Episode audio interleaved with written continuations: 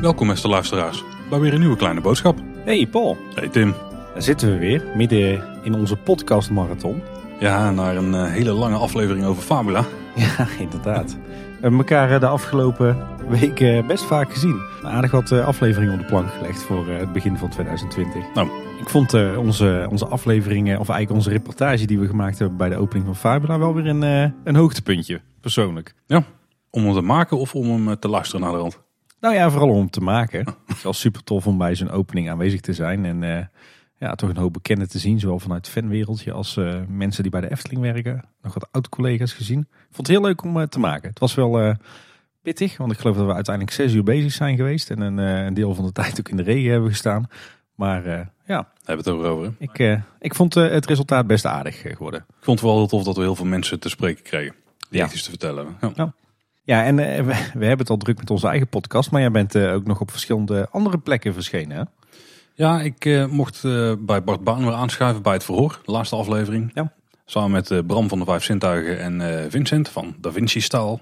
Eh, die aflevering staat inmiddels online. Ja, dus dat op YouTube. Ik heb mezelf ook eh, gekeken inmiddels. Of ja, nou ja, ik heb eigenlijk een beetje gesmokkeld. Ik, eh, ik had helemaal geen tijd om even YouTube te kijken. Dus ik heb hem gewoon als podcast geluisterd met YouTube in mijn achterzak. Maar het was een leuke aflevering. Oh, er zaten een paar leuke stellingen in. Ik vond zelf die, die stelling van eh, wat is nou de beste dark ride, symbolica of droomvlucht, vond ik wel een, eh, een hele interessante. Ja, daar hadden we vooraf ook al veel discussie over. Daar, daar zouden wij denk ik ook nog best een hele aflevering over eh, kunnen maken. Alhoewel ik denk dat ik uiteindelijk dezelfde keuze zou maken als jij. De, vraagstelling was wel heel erg bepalend in het antwoord wat ik heb gegeven. hoor. Welke attractie vind je beter, Droomvlucht of Symbolica? Zoiets was het. Ja. En ik ging uiteindelijk voor Symbolica. Ja. Eh, puur gewoon om eh, dat hoe, hoe technisch strak het in elkaar zit, zeg maar. En eh, ja, in hoeverre eigenlijk alles wat met de attractie zelf te maken heeft. Dat, dat wordt wat duidelijker als ik daar mijn zin afmaak. Hoe daar een beetje op de achtergrond weg hebt. En dat bij Droomvlucht bijvoorbeeld het ride systeem nog heel erg aanwezig is. Dat het niet helemaal rondom afgewerkt is. Dat soort eh, dingen. De evacuatiesystemen natuurlijk die later zijn toegevoegd. Ja, dat ook nog, ja, ja. Maar als ik uiteindelijk dus een top 10 zou maken, dan zou Droomvlucht er wel hoger staan. Maar dan gespeeld het stukje nostalgie en het een beetje echt het gevoel Ja. wat je erbij krijgt ook weer mee. Dus ik denk dat daar het verschil vooral in zat. Ja. En ik moet zeggen, ik probeerde af en toe ook wel een beetje de meer, eh, meer unieke viewpoint aan te nemen. Zodat een beetje... Is dat een beetje in de swing stelling in, dat, in, ja. in de aflevering. Ja. Het trouwens ook over, dat, eh, over het feit dat Droomvlucht aan de buitenkant is, eh, eh, netjes is afgewerkt. Ehm, je wist niet precies wanneer, maar het leuke is dat eh, Droomvlucht eigenlijk aan de achterzijde is afgewerkt tijdens de bouw van Ravelijn. Juist omdat op dat moment eh, zeg maar de achterkant van Droomvlucht eh, in de schijnwerpers kwam te liggen. Eh, figuurlijk dan. Omdat op dat, vanaf dat moment daar natuurlijk het, het hoofdkantoor van de Efteling zat. Nou, Dus daarom hebben ze toen die hele achtergevel afgewerkt en ook die, ja, een beetje dat dakje erop gezet. Hè? Mhm. Eh, maar dat niet alleen. Jij was ook bij de honderdste aflevering van Team Talk. Ja, dat was heel tof. Eh, Thomas en Maurice, bedankt voor de uitnodiging. Die hadden geregeld dat er een soort eh, pretpark podcast, eh, Amatic Universe of zo was. Ja. Eh, het was ook een beetje de, ja, de setting die je dan hebt bij zo'n Comic Con of zo. Dus een grote tafel. Maar, Thomas was er helemaal onder de indruk met een eh, Afgerokt. afgerokt, ja, met wat doekje. En, ehm, en Ralf was erbij van Details. En eh, Erwin en Jelle van Ochtend in Pretparkland. Ja. Dus het was heel gezellig. Ook sowieso vooraf en naar de rand eh, flink met iedereen lopen socializen. was heel gezellig. Moeten we vaker doen zoiets. Ja, ja ben ik wel mee eens. Ik was bij beide gelegenheden wel een beetje de Sjaak afhaak.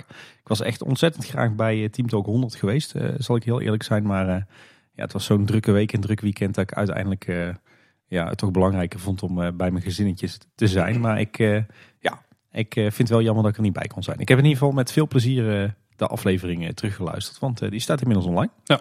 We zullen ook daar een linkje voor in de show notes zetten. Ja, hopelijk vallen mensen dan niet in slaap. hè? Nee, inderdaad. We kregen de laatste tijd eh, opvallend veel klachten of meldingen van mensen die eh, in slaap vallen bij ons. Ik zag het eh, niet als klachten. Volgens mij gebruiken ze het gewoon om Als slaap. lekker tot de rust te komen. Ja, precies. Even te ontspannen. We hadden al verschillende suggesties. We moesten zelfs, er werd zelfs gesuggereerd dat we maar een, een ASMR-kanaal zouden beginnen op YouTube. Je zal dat zijn van die filmpjes met hele zachte geluidjes waar mensen dan helemaal op kikken. Mhm. Mooie geluiden, goede geluiden. Goede geluiden. Dus eh, misschien eh, ligt daar nog een, eh, De markt. een carrièrekans voor ons. Ik heb wel al die sporen nog individueel. Dus ik- Ik las wel dat iemand zei dat het met name jouw stem was die mensen in slaap brengt. Paul. ja, dat kan ik me ook heel goed voorstellen. Tim. Ja, jij hebt wel de donkerste stem. We zijn een beetje het candlelight van pretpark podcastland misschien dan. Hè? Met een accent. En de, de buitenwereld 3 over escape rooms, die staat ook online. Dus als je nog meer slaapverwekkende gesproken tekst wil horen. Nou, het scheelde daar dat Yves en uh, Roy er natuurlijk bij Ja, waren. precies. Ja, nee, we hebben op ons, eh, ons zijspoortje, we hebben de buitenwereld als een soort eh, hobbyprojectje daarnaast, naast deze podcast. Terwijl dit natuurlijk ook al een uit de hand gelopen hobby is. Maar eh, op de buitenwereld plaatsen we alle podcasts die we samen maken over andere onderwerpen dan de Efteling. En nummertje drie, eh, die ging over escape rooms. En die eh, staat online. Bijna twee uur Ja. hebben we het daar over escape rooms. Ja, en jij zegt ook altijd heel vaak, Tim, van kleine boodschap maken we niet alleen, dan maken we samen met jullie. Ja. Daar willen we nog een stapje letterlijker nemen dit keer. Ehm, we hebben namelijk een groot luisteraars, nou hoe hebben we het genoemd? Het grote kleine boodschap luisteraarsonderzoek. Ja. Hebben we het gedoopt, hè? Ja. Ja. Eh, die hebben we opgezet. Dat is een eh, vragenlijst die je online kunt invullen. Die vind je op kleineboodschap.com slash onderzoek. Ja. En dan kun je daar doorklikken naar de uiteindelijke vragenlijst. Eh, de vraag dus aan iedereen om die zoveel mogelijk in te vullen. Dan leren we en wat meer over de dingen die jullie interessant vinden. De dingen die we nog kunnen verbeteren. En je kunt er ook ideeën voor afleveringen aandragen.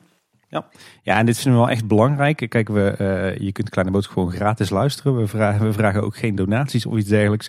Maar we zouden het wel echt heel fijn vinden als, eh, als we hier veel reacties krijgen. Want eh, ja, de bedoeling is echt om er eh, veel van te leren en onze podcast verder te verbeteren.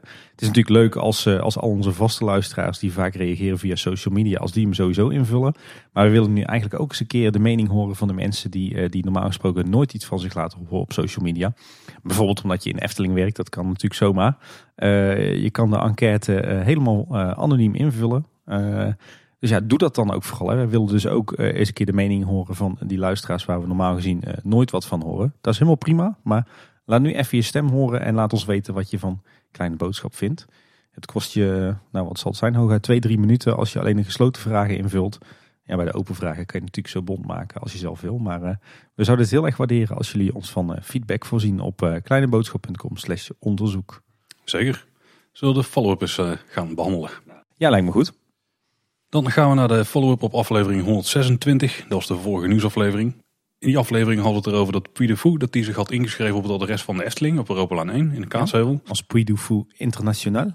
Kijk, maar wat we nou ook nog hebben gehoord is dat ze een office manager zoeken voor Puy de Fou Internationaal in Kaatsheuvel. Ja, dus ze gaan een werkelijk fysiek kantoor houden. Ja, ja, in ieder geval met één iemand. Maar Ja, interessant. Ja. Hou in de gaten. We hadden ook de discussie toen over de nieuwe sluitingstijden. Die eh, dus op bepaalde momenten wat vroeger zijn en op heel veel andere dagen een stuk later dan voorheen. Eh, toen kregen we nog een suggestie van 8 uur. Ik had het naar de rand ook wel in mijn, in mijn hoofd zitten van daar hadden we het eigenlijk over moeten hebben. Maar zou het dan niet zo zijn, zegt 8 uur, dat in de toekomst, dus als, de wacht, dat als het park om 10 uur sluit, dat dan de wachtrij ook pas om 10 uur sluiten? Dat de attractierijen niet eens zo heel veel later leeg zijn dan nu. Want nu is het, was het natuurlijk zo, als het park tot 11 uur open is, sluiten de wachtrijen ruim daarvoor, zodat die sowieso leeg zijn om 11 uur. Is dat zo? Ik dacht dat eh, dat het alleen was als ze tot eh, middernacht eh, open Ja, waren. dat is ook bij tot 11 uur. Oké, nou die heb ik even gemist. Zou, zou heel goed kunnen inderdaad, ja. In dat geval valt het effect misschien nog wel mee. Ja, en dan scheelt het effectief denk ik een half uur of zo. Ja. Want ik denk dat de grote vraag, en daar, daar gaan we dan uiteindelijk ook op tijd de hint een beetje aan zien, is wanneer de Aquanura tijden zijn. Want als je om kwart over tien is, dan blijven de wachtrijen waarschijnlijk gewoon open tot tien uur. Als het kwart voor tien is, want nu was de laatste Aquanura om kwart voor elf ook, Ja. dan zal het dus zijn dat de wachtrijen dicht gaan op zo'n moment dat die attractie echt leeg is om, eh, om tien uur. Ja, omdat het natuurlijk om 11 uur dan eh, helemaal muisstil moet zijn. Ja, ja. Oh, interessant punt, uh, Arthur. Dat- we weten het nog niet, dat moeten we echt in de gaten houden. Nee.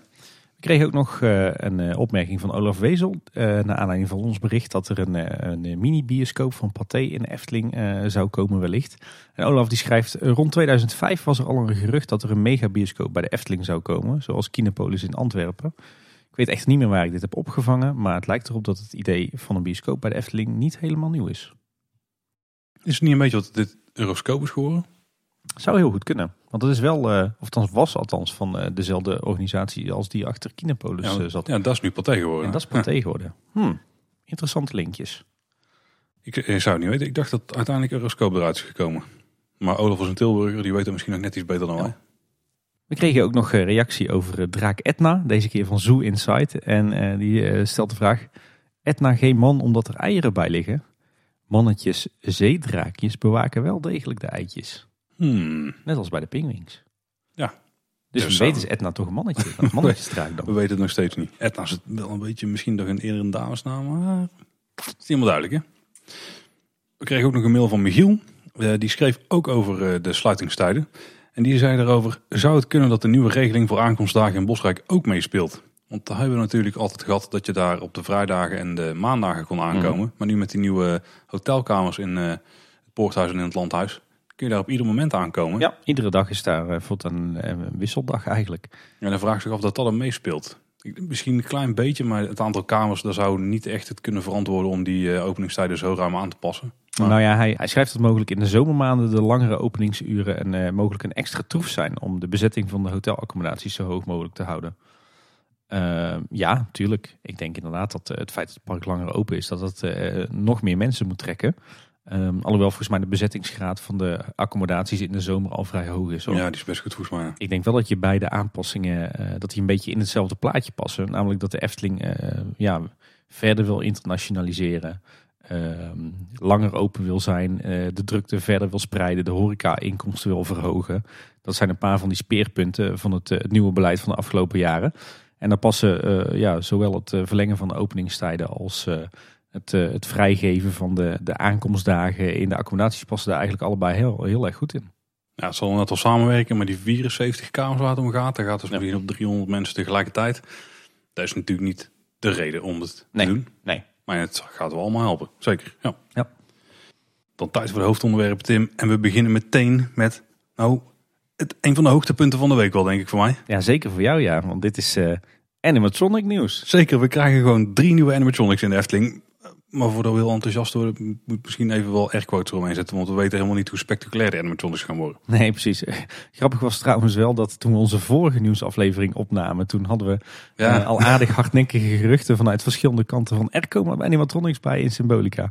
Dan zijn we toch besloten om het niet mee te nemen in die aflevering, omdat we dachten van ja, het is nog niet bevestigd, dus kunnen we het wel melden. En volgens mij de, dag, de ochtend erop kwam dit nieuws Toen was het, ja precies. Ja. Maar wat er dus gaat gebeuren, er komen in Symbolica nieuwe animatronics bij. En die heeft die attractie wel een paar nog nodig. Er kunnen nog wel wat meer bij, denk ik. Maar die komen in ieder geval in de, ja, de verschillende scènes waar je eigenlijk terecht komt zodra de, de routes zich echt opsplitsen. Ja. Dan kom je nu in die uh, boudoirs terecht. Ik weet niet of ze allemaal zo heten. Volgens mij hebben ze allemaal een andere naam. Ja, je hebt de, de schattenboudoir, de muzieksalon en het heldenkabinet. Kijk, en daar heb je nu die toverspiegel. Dus dan krijg je het spelletje met dat je op die gekleurde knopjes moet houden. En niemand van weet hoe het werkt. En uiteindelijk komt dan, uh, komt dan die vintage uh, magische sleutel van de Efteling naar boven. Ja, die eerst in de sokkel verdween, maar nu komt hij tevoorschijn. Ja. Wel tof effect. En dan krijg je nog het lasereffect van het sleutelgat wat dan zich verspreidt over die deur. Nou, dat spelletje, daar kon nooit iemand de taal vasknopen, denk ik. Nee. Ik in ieder geval niet. Ik drukte maar gewoon op alle knopjes. Ja, en wat er dus nu gaat gebeuren is, dat spelletje gaat er denk ik helemaal uit. Ja, dat mag niet helemaal duidelijk. Uh, en uh, oh je punctueel, die staat dan vermomd in een van de hoeken van de kamer opgesteld en die gaat je dan vertellen van, uh, heren, jullie zijn nu wel met Pardoes meegegaan, maar het lijkt me niet zo heel verstandig om uh, deze route verder te gaan. Het is ongeheurd, zal je zeggen. ja, en dan komt de confetti naar beneden.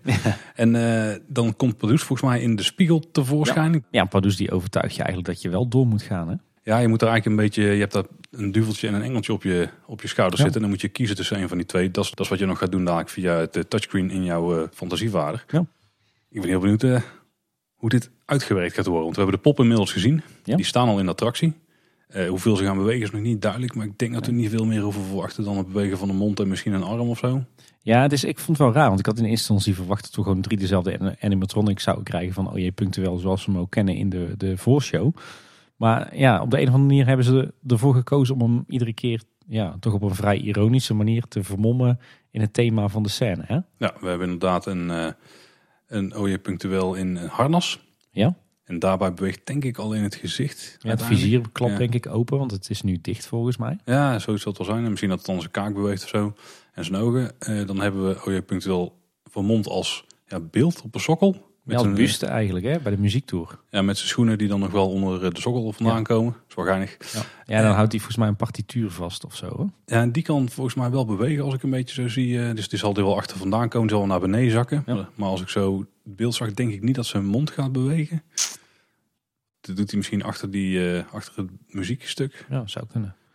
En dan hebben we Oje punctueel nog in een uh, flinke uitgedoste, ja, een, een mooie jurk. Ja, hij is een beetje uitgedost als ja, een van de dansers, of zo. Of een van de dansers misschien uit de troonzaal. Ja, zou kunnen. Dat vond ik het hele rare. In de schattentour inderdaad. Ja, dat gaat natuurlijk misschien om sieraden of zo. Is die ook nog film? Uh, weet ik zo niet. Hij heeft daar wel een waaier vast in zijn hand. Zo'n echte ja, Chinese waaier, zeg maar. Dus, uh, dus dat. En Jeroen Vrij is uh, verantwoordelijk voor het ontwerp. Ja, inderdaad. Druk baasje. Eh, nou ja, wat jij al zei, de animatronics die, eh, die staan er nu al. Eh, maar ze gaan nu telkens na sluitingstijd werken aan het programmeren van de animatronics. En voor de kerstvakantie zijn die werkzaamheden gereed. Ik ga wel veel ritjes maken om het dus even goed te checken. Overigens leuk detail. Het schijnt zo te zijn dat deze animatronics zijn gemaakt door de Efteling zelf en niet door Holt. Nou, nou, inderdaad ja. Het was wel tof, maar daarom zijn ze waarschijnlijk ook wat minder ingewikkeld. Ik denk ook niet dat het een super groot project was, maar Nee? er is wel veel moeite in gestoken. Ja, en dat voor een attractie die eigenlijk eh, 2,5 jaar geleden Ja. al is geopend. Zou die ook nog niet opgeleverd zijn? Ja, dat zat ik mezelf ook af te vragen. Zou zo maar kunnen.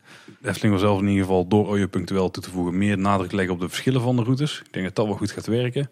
Ik denk dat het ook wel werkt dat het spelletje daar eh, aan gaan passen, want dat was voor heel veel mensen gewoon niet te begrijpen. Nee. Ik ben wel benieuwd hoe het dan met de sleutel en zo samen gaat. Misschien dat daar iets meer een verhaallijntje in gaat zitten of zo. Afhankelijk van wat je kiest dat die sleutel blijft of dat die weggaat of zo. Want je kunt daar een keuze maken. Ja, die gaat in de praktijk weinig verschil maken, denk Nee, ik. je Want- gaat toch gewoon door, denk ik. Want die wagentjes die volgen gewoon de, de, ja, de draden die in de vloer liggen, zeg Ja. maar. En die liggen niet in één keer anders. Misschien dat je bepaalde Nee, ik denk eerlijk gezegd dat ze het hele programma ook niet gaan aanpassen hoor. Ik denk eerlijk gezegd dat, eh, dat je dezelfde tijd stil gaat staan in die ruimte als dat je voorheen deed. En in plaats van dat je met het spelletje bezig bent, eh, was, en ben je nu bezig met, eh met Pardoes en Punctueel. Ja, misschien als je kiest voor punctueel dat Pardoes er nog een spreuk doet of zo. Om eh dat weer te overrulen. Zoiets zal het misschien wel worden. Ik vind het wel heel tof dat ze, dat ze eh 2,5 jaar na dato nog zo'n enorme aanpassing doen.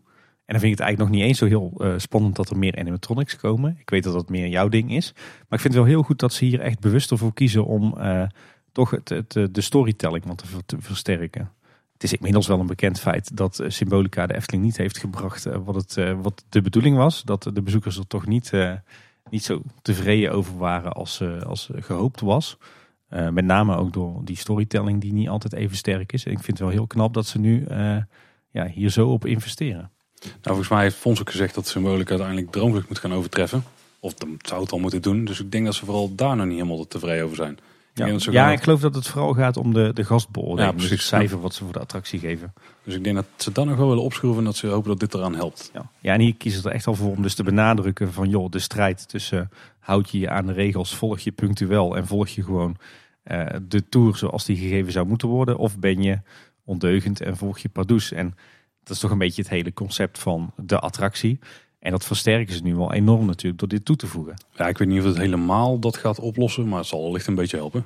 Het zorgt er wel voor dat halverwege de rit, waar denk ik eh, bij de meeste mensen dat verhaal wel is weggezakt, dat je Mhm. toch weer even een opfrisser hebt. Nou, nou En dat je niet meer denkt van waar ben ik nou toch in vredesnaam terechtgekomen. En dan het eh, enige grote lopende project nog in Efteling op dit moment. Nou, Ja, Fabula is inderdaad. opgeleverd. Max en Moritz. Ja, en wij volgen het op de voet. Ja, ik vind het nu, nu begint het wel echt een interessante fase te worden. Want er komt gewoon een moment binnenkort dat de Efteling ten sowieso meer bekend gaat maken. Ja. Want Fabula, daar teren ze nog even op, denk ik, Ik denk sowieso Ja. tot en met de kerstvakantie. ja, tot en met de kerstvakantie inderdaad. Dus dan begin januari dan gaan we denk ik ook nieuwe concept art zien. Maar de baan gaat ook op een gegeven moment aankomen. Ja, dan moet inderdaad op een gegeven moment baandelen geplaatst gaan worden. Want ze zijn al best wel eind op weg dat, ja, volgens mij zijn alle staanders al, of alle poeren al gegoten, denk ik. Ja, ja, ja, die zijn ook wel voldoende uitgehard hoor, Ja. volgens mij. Dus dat gaat misschien wel voor de volgende nieuwsaflevering. Zou dat te snel zijn? Misschien dat ze eerst de elektriciteit even orde maken. Ja, precies. Ik denk gezien de tijd, misschien dat ze het over de kerstvakantie heen tillen. Dan ligt de bouw toch twee weken stil. Dat ze na de kerstvakantie baandelen gaan plaatsen. En dan ik het media-offensief starten met een paar making-offs. Precies. Alsjeblieft Efteling, Ja. making-offs. Ja. Komt er maar mee voor de dag. Ja, het is toch altijd een hoogtepuntje hè, als de baandelen geplaatst gaan worden. Ja, en dan gaan we ook echt, eh, echt zien hoe het nou door het landschap heen gaat of niet. Daar ben ik natuurlijk echt heel benieuwd naar. Maar zover is het er niet. Er zijn Nee. wel een hoop andere dingen gebeurd. Ja, er is vooral heel veel te zien aan het, eh, aan het station. Hè? Ja, we hebben het de vorige keer al over gehad dat daar een eh, redelijk vlak stuk eigenlijk aan de voorkant tevoorschijn kwam. Ja. Eh, Inmiddels is heel veel meer uitstijgers. Ze zijn eigenlijk alleen nog maar bezig een beetje aan de, ja, als je voor het station staat aan de rechterkant zeg maar. Dus aan de kant van de entree. Ehm, maar we hebben nou allemaal inmiddels onthuld zien worden. Ja, volgens mij is het, het stationsgebouw in ieder geval, de, de voorgevel is volledig uit de stijgers. Je ziet nu dus dat het, het linkerdeel van de voorgevel is nog echt dat oude Bobstation. Dan heb je ineens dat rare geveltje wat eruit plopt. Mhm. Dat met heel die, eh, vooral heel veel blauwe accenten. En ook het rechterdeel, dus het aangebouwde deel, hebben we nu inmiddels gezien. En eh, ja, daarbij zijn de onderste twee verdiepingen eh, is eigenlijk stukwerk ingeschaduwd met ja, een raar soort vakwerk in, in groen hout. En daarbovenop staat ook een soort ja, opbouw helemaal in groen hout uitgewerkt. Ja, dat was inderdaad eerst het Baron 1898 stuk, maar nu dus gestukt. Ja. En eh, daarboven inderdaad ja, een groen stuk. Dat lijkt wel inderdaad een ruimte te zijn waar toch iets uit kan komen of zo. Daar hebben we het volgens mij ook al over gehad de vorige keer. Daar zie je Ja. nu iets meer van. Is ook al wat decoratief, eh, wat decoratief schilderwerk op terechtgekomen. Ja, ook weer wat krullen. Eh, Ja. ze hebben nu ook die, die dakrand doorgetrokken hè, met dat, dat houtsnijwerk in kunststof. En er staat een torentje op met een belletje erin. Hè? Ja, inderdaad. Ik moet zeggen, ik had de vorige keer twijfelde ik al, maar ik ga het nu gewoon maar zeggen. Ik vind het, eh, ik vind het bijzonder lelijk. Alles of echt eh? Nou, met, na- met name die aanblik van de, van de voorgevel. Als je aankomt lopen vanuit de richting Fata Morgana. Ik vind het er niet uitzien. Ik vind het vooral heel erg vlak. Maar het viel me wel op. Ik, ik kan durf bijna niet te hopen dat het zo is. Maar links, eh, links in die wand, nog boven de bak, zeg maar, boven de, die stenen bak die zo voor het hele gebouw zit. Daar zit wel een opvallend groot gat. Ja, jij hoopt dat, dat daar dat water had Ik hoop dat er toch een ratje komt of zo. Dan zou het wel iets meer eh, diepte geven, zeg maar. Ja, nee, goed, ik, ik moet, moet, moet, moet mijn uitspraak misschien ook wel een beetje ar- beargumenteren. Maar het is zo'n rommeltje geworden. Dat, dat, dat geveltje, dat, eh, dat valt volledig uit de toon met die, eh, die felblauwe tinten. En ook een beetje zeg maar, het enige geveltje wat, wat uit dat, verder dat massale blok springt. En dan het deel rechts is weer heel anders qua uitstraling dan het deel links. Het, het klopt gewoon allemaal ook niet. Qua vakwerken niet. Het, het, eh, nee, ik weet niet wat hier is gebeurd, maar Nou, ik vind hem met de kleuren eigenlijk nog wel meevallen. Felblauw. ja, een beetje die... eh, Heb je het dan alleen over die deur die onderin zit eh, van de travo-ruimte of zo? Of wat dat dan ook mag zitten? Die, nou wel- ja, die is beetje die, felblauw. een beetje die kleurstelling van die gevel. Er zit natuurlijk heel veel lichtblauw in. Hè? Ja, maar het is er niet echt dat het er echt uitknalt of zo. Is niet te vergelijken met het doek wat daar eh Nee, over de bouwwerk heen valt. klopt, dat klopt. Ja, hm. Ik- ja, ik, vind, ik vind het nog wel aardig. Het is niet, nog niet mijn favoriete design in de Efteling of zo. Maar, Nee, nou ja, bouwkundig klopt het ook niet. En- ja, maar dat kan wel worst wezen. Nee, ik vind het eh, in ieder geval de voorgevel niet goed uit de verf komen. En de binnenkant, Tim. Ja, we weten eh, nu ietsje meer. Er komt namelijk in die, die, zeg maar die rechtse aanbouw, rechts van dat, eh, dat gevel, nieuwe geveltje, komt, zit in ieder geval nu ook een, een traforuimte. Was te zien aan de deur. Ehm, maar er is nog niet helemaal duidelijk wat nou waar komt, waar nou de toiletgroep komt en waar nou eventueel nog een extra horecapuntje komt.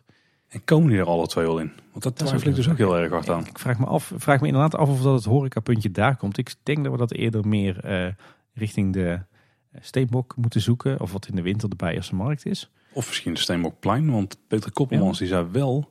Dat er een horecaplein eh, zou Ja, komen. zou er bij de Steenbok zijn. Dat zou best wel voor de hand liggen als we het boek lezen van... nieuwe sprookjesboek Ja. met het verhaal van Max Moritz. Ik verwachtte de toiletruimte nu eerder in het eh, echt die, die nieuwe aanbouw aan de rechterkant. En niet Ja. zozeer in dat, eh, in dat geveltje, zeg maar. Ik denk het eigenlijk niet meer. Ik denk dat we die daar helemaal niet gaan zien. Ik heb ook nog even de bouwtekeningen erbij gepakt. En dan zie je daar ook ruimtes staan die wel kloppen met de deuren. En dat lijkt niet op toiletten. Dus misschien ja, wel een toilet voor de medewerkers bijvoorbeeld. Maar ik denk dat we die ook op een andere plek gaan zien. Hmm. Ik zou niet precies weten waar. Alleen eh, de deur is ook een beetje smal voor een toilet denk ik voor deze tijd. Want dan kan je geen eh, minder valide toilet aan maken. Dus ik denk dat we het daar mis verkeerd hebben ingeschat. Ik denk inderdaad ook als, als we de tekeningen erbij pakken van de bouwaanvraag, dan zou inderdaad die rechteraanbouw vooral benut worden als eh, noodtrappenhuis vanuit het station. Ja, dat En, is het inderdaad precies wat ik bedoel. bestaande gebouw met name personeelsvoorzieningen. Ja. Maar ik doe eigenlijk meer op de binnenkant, omdat er ook wat foto's nu naar buiten komen door... eh, nou, misschien moeten we dat stukje nog eerst bespreken. De linkerkant van het station. Ja. Er zit namelijk een enorm gat eh, in, de, ja, in de zijkant. Dat hebben we al besproken, maar nu kun je hem ook echt heel goed zien. Die is helemaal uit de doeken. Ja. Eh, het ziet er best wel aardig uit eigenlijk hoe ze het gat zelf hebben gemaakt. Het is wel echt enorm groot. Echt Ja. van bijna de onderkant van de dakrand zeg maar tot ja, beneden helemaal. Ja. ja, dat is een beetje op de plek waar je, waar je voorheen het stationsgebouw inliep hè, vanuit de wachtrij. En waar de, de bobs naar binnen gingen. Ja, en het is nog- steeds de plek waar de baan naar buiten gaat. Ja, het, ziet er, eh, het, het, het heeft een beetje de uitstraling dat er een eh, grote explosie is geweest en dat daar de gevel is weggeslagen. hè. Ja, we hadden dus die beschrijving van het eh, ingenieuze systeem wat Robert Jaap zou bedacht hebben om daar die uitbraak ja, weer te geven. Maar ik zie niet echt hoe ze dat hier dan zouden kunnen toepassen. Ik, ik heb meer het idee dat het een soort van referentie wordt naar die streek die Max en Moritz leveren aan meester Lempel, volgens mij, zeg ik even uit mijn hoofd. Wiens eh, pijp wordt opgeblazen. Oh, en dan heel de zijkant van zo'n eh hokje eruit, van Ja. een huisje. Misschien. Het, wa- het was in ieder geval heel vrij uitgevoerd. Mooi met eh, gesimuleerd al die, eh, zeg maar, alsof het stukwerk van de, de bakstenen af was geblazen. Het wordt inderdaad ook helemaal meegevoerd, doorgevoerd in het, het houtwerk van het kantoortje wat daarboven Ja. zit. Was heel vrij gedaan. Ja, en tof hoe ze al die individuele stenen zo erin hebben Ja. zitten. Het is niet een eerst een laffe opengeslagen rand gemaakt en dan pas stenen eruit gegrapt. Nee, Nee, die dus stenen heel- zitten er echt in. Ja, heel Absoluut heel vrij gedaan. Wat eh, minder vrij is dat we nu dus toch eh, buiten, recht voor het instapstation, eh, alsnog een soort van, eh, ja, alsnog een trafo hebben. En dus we hebben een inpandige, inpandige trafo-ruimte in het nieuwe, de nieuwe aanbouw aan de rechterkant. Maar recht voor het, eh, voor het station staat nu dus ook zo'n, eh, ja, wat dan eh, in de jargon een compact station heet. Oh, zo compact is hij niet. Nee, precies. Zo'n, zo'n ja, is gewoon een beetje de maat van een kleine container. blok eh, Ja. ja, voor de stroomvoorziening. Dus toch, volgens de bouwtekeningen. Het is redelijk, het ziet er niet mooi uit. Nee, Maar daar gaan ze nog wel iets omheen zetten, hoop ik. Ja, volgens de bouwtekeningen komt er een soort van ja, houten palissade voor. Dus een soort van hekwerk van houten palen. Waarmee het, het zicht erop belemmerd wordt. Maar ik vraag me toch waarom, het niet, eh, waarom het ze het niet anders hebben kunnen oplossen. Ja, dat had toch wel ergens eh, aan de achterkant van het station gekund, zou Ja, ik dan denken. Daar zou een houten object niet zo heel gek zijn. Nee. Maar Het staat nu echt recht voor het station in het publieksgebied. ben ik toch wel benieuwd naar. Nou, we hadden het net al gehad over die grote opening aan de zijgevel en de binnenkant. Want dat was eigenlijk een beetje waar ik op doelde. Want we hebben ook wat foto's gezien met eh, mensen met telelenzen of met camera's. Heeft Wesley volgens Ja. mij ook. Die een beetje de binnenkant filmen vanaf of door dat grote gat heen. Waar ze overigens inmiddels een heel, een heel grote rolluik voor hebben geklust. Ja. ja, waarschijnlijk om het gebouw gewoon s'avonds, of in ieder geval buiten openingstijd, gewoon netjes mee dicht te maken. Eh, ja, wat we ervan hebben gezien ziet er heel fraai uit, hè? dat houtwerk eh binnen in het station. Ja, een beetje eh, echt een oude schuur. Dan moet het volgens mij ook een Ja. beetje zijn. Een beetje werkschuur. Ja. ja, wel weer een beetje met, met die krullerige details en zo. Een heel, heel rijk gedecoreerde houtconstructie. Nee, dat ziet er, eh, ziet er veelbelovend uit. Er zou ook een foto langskomen van een bak met al die ingezamelde ja, houtbewerkingsmaterialen zeg maar, Ja, die eh, waren uitgebracht door de Efteling. Ik zie die daar wel mooi opgehangen zijn. Ja. Een beetje weer strak in de lak, een beetje opgepoetst. Met alle hout en zo. Een paar touwen die zo links en rechts hangen. En wat, eh, wat materiaal waarmee gewerkt kan worden in de toekomst. Het is wel een fire hazard, maar het kan er wel heel tof uitkomen. Ja, inderdaad.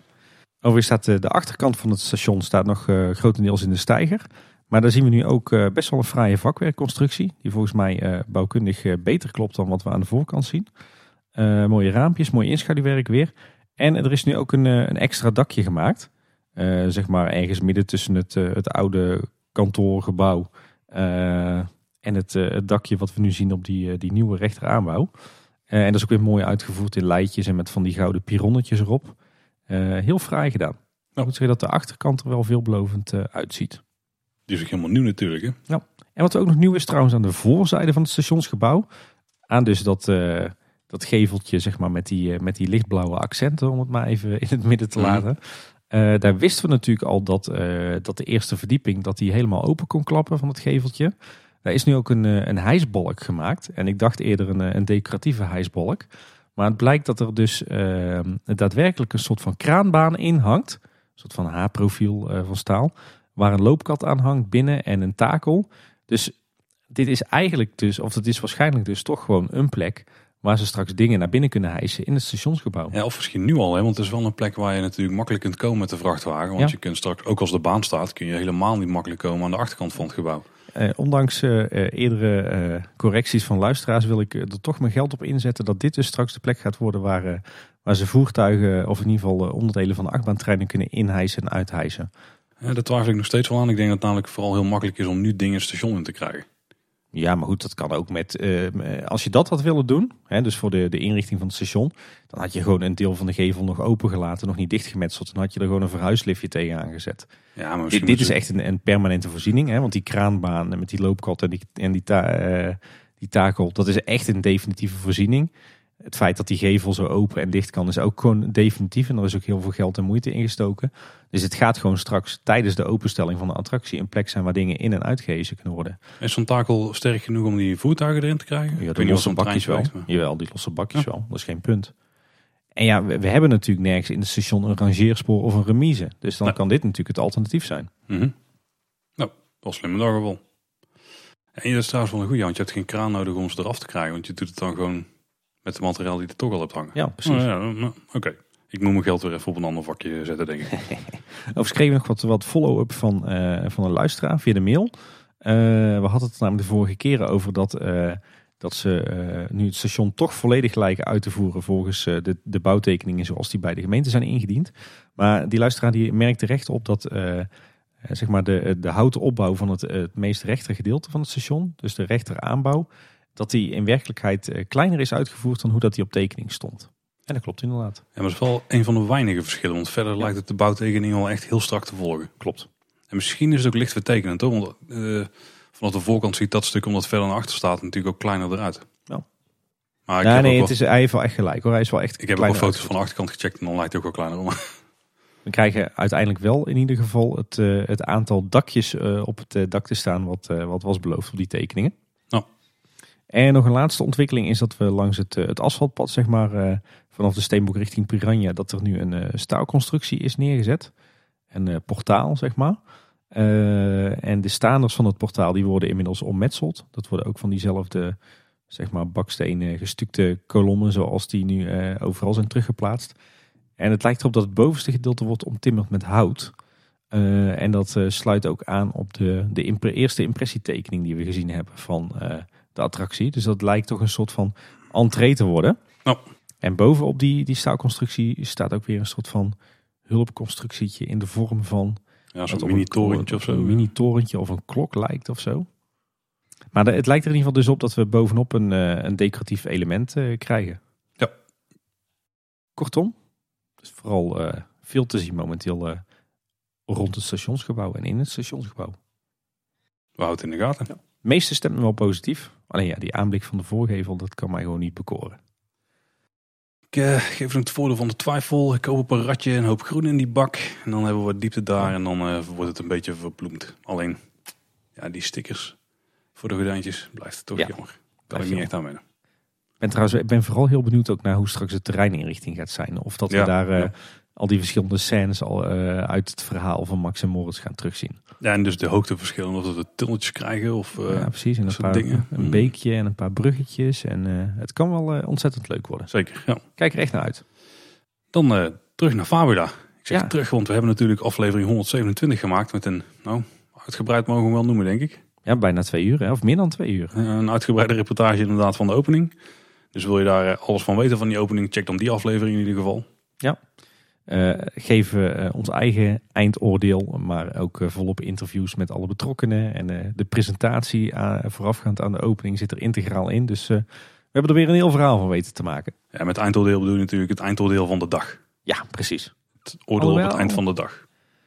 Ik moet zeggen dat mijn eindoordeel eigenlijk niet gewijzigd is sindsdien. Ben je wel geweest nog sindsdien? Nee.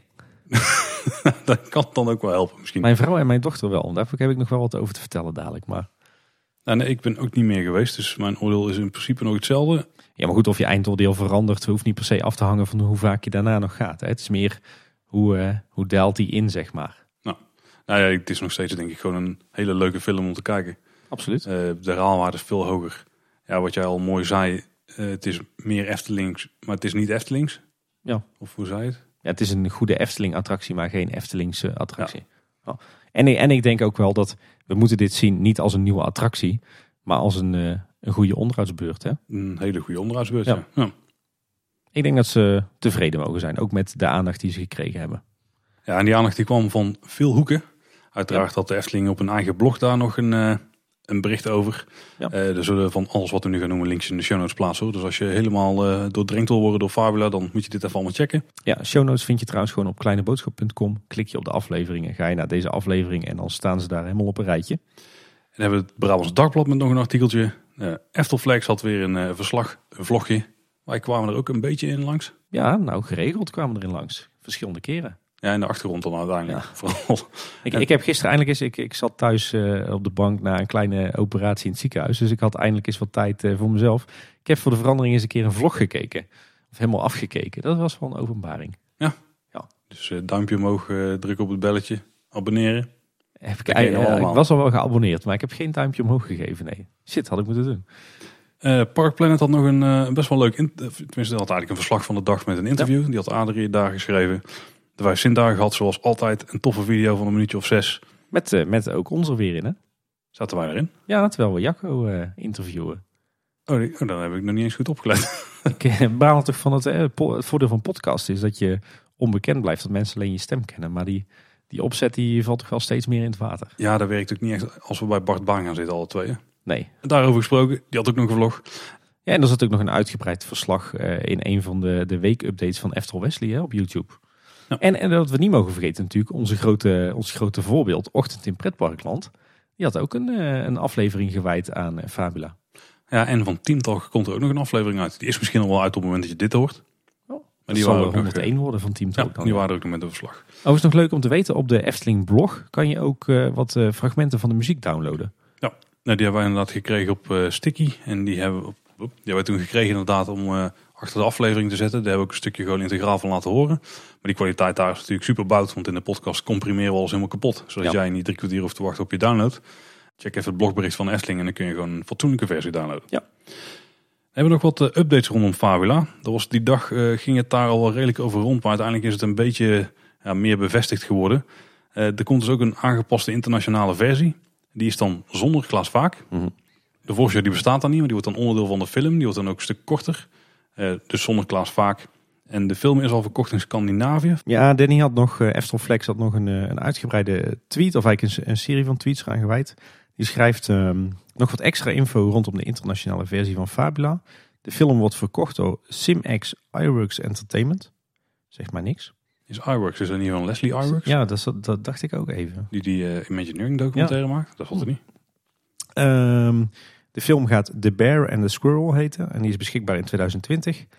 En Aardman zei tegen Danny dat er een Scandinavisch park interesse had. Er zijn weinig grote parken die een 4D-bioscoop hebben. En de enige die Danny kan bedenken is eh Forum Sommerland. Ah, oké. Eh, verleden jaar draaide hier Angry Birds en Smallfoot. Twee films uit de catalogus van Simex. Daarbij is The Bear and the Squirrel eh, een perfe- perfect fit voor dit park qua thema. De pre-show wordt ingekort en samengevoegd met de hoofdshow Klaas Vaak verdwijnt. Zijn rol wordt overgenomen door Moeder Natuur. Daar heb ik inderdaad Steve ook wel over Ja. horen vertellen. Maar dat was me niet helemaal duidelijk hoe de dan ging werken. Nee, precies. Eh, de muziek blijft wel hetzelfde, dus wellicht blijft het Carnaval Festival stukje er wel in. ja, dat hadden we ook al begrepen. Ja. Leuk. Eh, ben benieuwd waar dat hij gaat verschijnen. Ja, we mochten die dag natuurlijk een hoop interviews doen. En eh, we krijgen dan voor een lijstje van dit zijn de mensen die je kunt gaan bevragen. Kunt gaan bevragen, maar we hopen eigenlijk altijd dat René er ook is. René Ja. Merkelbach, want die maakt overal de muziek voor. Want daar hebben we altijd wel een hoop vragen over. Eh, die was er niet. Maar dat had wel een goede reden. Ja, hij was weer eens wat aan het eh, opnemen in eh, de Galaxy Studios. Ja, hij zat in. België inderdaad. Ja. Weet je eigenlijk wat? Het was wel met een, met een orkest van een man of twintig, denk ik. Dus daar kan misschien wel Max en Moritz zijn. Zaten er veel blazers in? Hmm. Oeh, daar heb ik niet eens echt heel goed op gelet. Maar volgens mij wel, ja. ja. Wie weet. Zou wel een, eh, het goede moment zijn als we even uitgaan van 4 april als openingsdatum. Ja, en als er dus een making-of komt, dan zit er ook vaak muziek achter. Misschien dat ze die nu iets eerder gereed willen hebben, zodat Ja. ze die alvast daar kunnen gebruiken. Wie weet. Ja. Ehm, wat ook leuk is, is dat er momenteel op eh, efteling.com, op de website, dat er een... eh, ja, jij weet beter dan ik, Paul, hoe dat, dat heet. Maar dat er hele leuke animaties te zien zijn van de, de beer en de eekhoorn. Ik heb het niet helemaal uitgezocht, maar ik denk dat de animated gif zijn. Eh, dat zal best. Dat In ieder geval, als je de Efteling website bezoekt, dan, eh, dan lopen de beer en de eekhoorn geregeld eh, voorbij op allerlei leuke manieren. Ja, een stukje wat we niet hadden gecheckt tijdens de opening, dat was de wachtrij. Het was ontzettend rot weer en ja, dat was eigenlijk Het was niet heel heerlijk veel. regenweer. Ja, lekker met alle podcastapparatuur buiten in de regen gaan Ja, staan. dat was weer minder, ja. Ja, goed. Dus de wachtrij hebben we niet gedaan, maar er stond wel een opvallend bordje in, vond ik. Er staat namelijk een bordje, deze attractie bestaat uit een voor- en een hoofdshow. Ik denk zodat mensen die dan de grot in lopen, die denken van, god, dit gaat wel heel lang duren. Ja, of was dit Ik ga alles? alweer naar buiten. Ja. Ja. Als ik deur open ga naar die, eh, die grote zaal, dan zal het toch wel opvallen dat het meer is dan Ja, alleen die drie schermen in het begin. hè? Ja.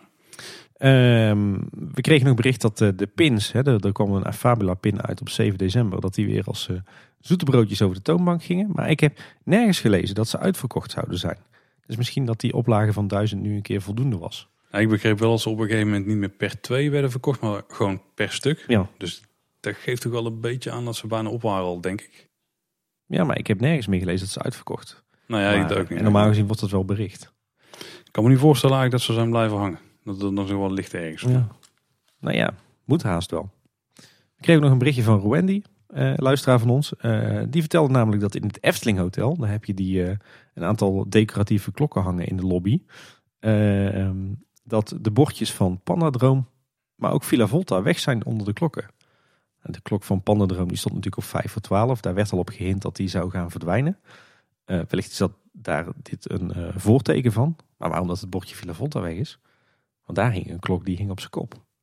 Hm, nou, Misschien, interessant. misschien heeft iemand eh, per ongeluk het verkeerde bordje weggehaald. Moeilijk terug te bevestigen. En hebben ze daarna die andere druk afgehaald. Want het waren wel de twee middelste. Ja, klopt.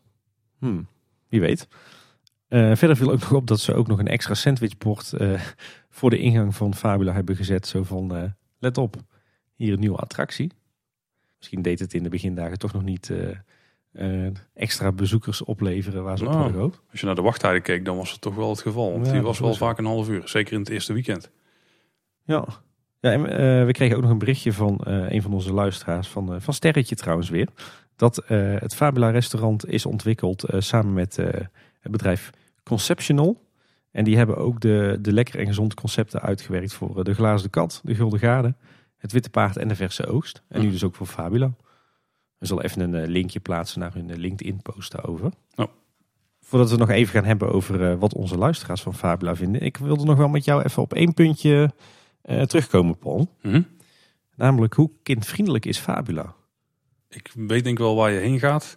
Er is sowieso één punt met 3D-films waar ik me sowieso eh, een beetje bij afvraag hoe kindvriendelijk het is. Want dat is het feit dat je die bril op moet en dat je dat 3D-effect hebt. En dat het volgens mij niet voor alle kinderen sowieso heel relaxed is om dan op die manier naar een film te kijken.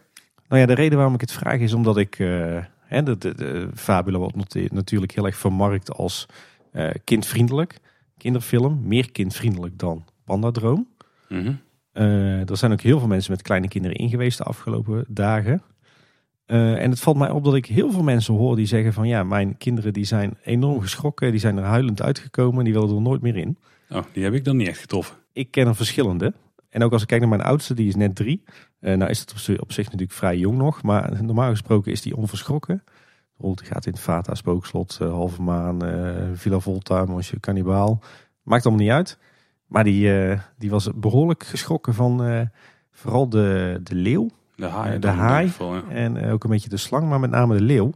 En toen zat ik me te bedenken, dat zijn ook best wel pittige stukjes. Zeker in 3D. Ja, ik denk vooral de haai inderdaad. Want die had ook een paar keer. En dan ga ik de mond in, Ja. zeg maar. Dus ik, ja, ik vraag me echt af in hoeverre is Fabula nou werkelijk kindvriendelijk? Ja, ze, Peter vertelde dat ze het hadden getest met volgens mij honderd of honderden gezinnen. En dat daarbij de spanning wel zo was dat het af en toe wel spannend was, maar dat ze meestal eh, dan met een lach eindigden, zeg maar. Dus dat het Ja. weer omdraaide. Ik zeg dat ook wel een beetje was hoe het bij ons met de kinderen was. We hebben er een van vier en een van drie. Ik denk dat de oudste bij ons, dat, die zit daar echt op zo'n fase dat ze dan droom, of dat ze dan pannendroom heel vervelend had gevonden. Omdat daar, eh, dat je daar het kleine ijsbeertje hebt wel wegdraait van zijn ouders en zo, weet je wel. Ja. En dat zijn dan dingen waar zij heel erg eh, Weet je, de emotionele impact, ja, zeg precies, precies. Die vond de film, ja, die vond het wel spannend. Zat wel een beetje zo in de kraag, maar die vond het wel, eh, vond het wel leuk. Ja, maar. Hm. En die van dat- drie? ja die, zat, die zat er eigenlijk hetzelfde in. Hm. En ik heb ze goed in de gaten gehouden, want Ja. ik heb de eerste keer de film, eh, de film half gemist. dus zat ik weer naar de kids te kijken. Ik denk dat het heel erg verschillend is, want die van ons die geven weer helemaal niks om eh, Villa Volta. Daar zijn ze twee keer in geweest, dat, dat durven ze nou niet meer in de buurt te komen. Nee. Ja, dat Dus is toch dat is- gek dan. Toch, dat, wat, dat is voor toch heel kind, persoonlijk. ja, dat is voor ieder kind een beetje anders, Ja. denk ik. Maar misschien toch goed, want ik hoor dat van meer mensen. En, en echt niet alleen van eh, echte diehard Efteling-liefhebbers.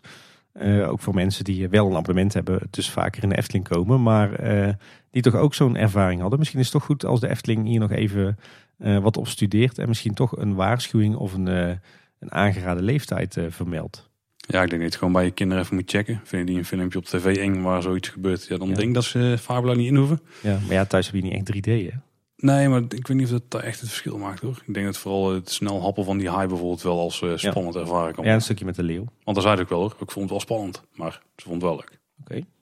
Nou, ik denk, ik denk wel iets wat, wat, wat de aandacht behoeft. Onze luisteraars die vonden ook van alles van Pandadroom. Zullen we een paar eh, reacties eruit pikken? Laten we doen. En we kregen een berichtje van ene D. Heijmans. Eh, in vergelijking met Pandadroom 100% verbetering, maar dat kon ook niet slechter. Ik begrijp dat ze wat moesten met het gebouw, maar moet je een 3D-film nog willen in een pretpark? Ik kan hier wel inzien dat je met kinderen vrij vaak zal zitten te kijken naar een veranderende beer. Daar kan ik me wel in vinden. Ja. En Christian stuurde nog, fijne podcast weer, leuk al die interviews. Vraagje, vinden jullie de bankjes bij de voorshow wel of geen gemis en waarom? Ik, eh, ik mis daar geen bankjes. Ik mis wel een beetje bankjes, want wel met kinderen dus. Hè? Want dan, moet je naast je kind gaan zitten en als je daar op je hurk of zo zit of met één knie op de grond. is niet heel prettig op die eh, ruwe betonvloer, zeg maar. Eh, ik denk dat het niet verkeerd was geweest als ze bijvoorbeeld een rij bankjes langs de achterkant hadden gemaakt, langs de Ja. achterwand. Die suggestie hebben we ook nog wel gehad. Daar ben ik mee eens. Ja, misschien voor de mensen die wat slechter ter Ja, been zijn. precies, juist daarvoor. Ja. die moe zijn. Ja, klopt. Nee, ik, zou niet de ruimte volzetten met banken, want dat is niet goed voor de doorstroming. En ook niet goed als ze straks eh, toch naar een concept willen van eh, vrije inloop tot een bepaald moment. Wat ik wel verwacht. Dan heb je natuurlijk, werkt dat averechts. Hè. Dan moet je zeker niet allerlei rijen met banken hebben staan. Maar ik ben het wel eens met jouw suggestie, Paul, om bijvoorbeeld tegen de achterwand één rij banken te zetten. Ja, en in principe zie ik het ook meer als een verlenging van de wachtrij hoor. Je staat daar dan alleen binnen in, de, in een airconditioned eh, ruimte met ja, te staan. Dat doe je in de wachtrij ook. Ja. En als je dan dus als een bank zou hebben voor gewoon de mensen die slechte been zijn, dan zou ik het, eh daar zie ik wel werken. Dan kregen we nog een hele uitgebreide mail van Wouter van Noord. Ik zal proberen om even de hoofditems eruit te pakken. Wouter die schrijft... eh voorshow is inderdaad langdradig en traag.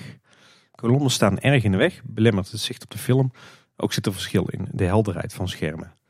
Eh, voor mij hadden er wel bankjes langs de achterwand ge- gemogen. Zeker voor de mensen die niet de hele tijd op hun benen kunnen staan. Ik denk dat ik mijn mening heb gehad van Wouter. Ja, inderdaad. Paul merkte op dat het misteffect er bij de abonnementhouders-preview minder was. In mijn herinnering was het effect net zo sterk. Hm. Watereffecten verschillen wel waar je zit, naar mijn idee. Nou ja, eh, volgens mij deden bij de persopening gewoon de watereffecten het niet. Ik heb volgens mij dat van iedereen gehoord. Ja. Want, eh, want een dag later gingen mijn, eh, eh, mijn vrouw en oudste dochter dus in en die kregen wel water in hun gezicht. Misschien dat er iemand eh, het reservaatje niet bijgevuld. Ja.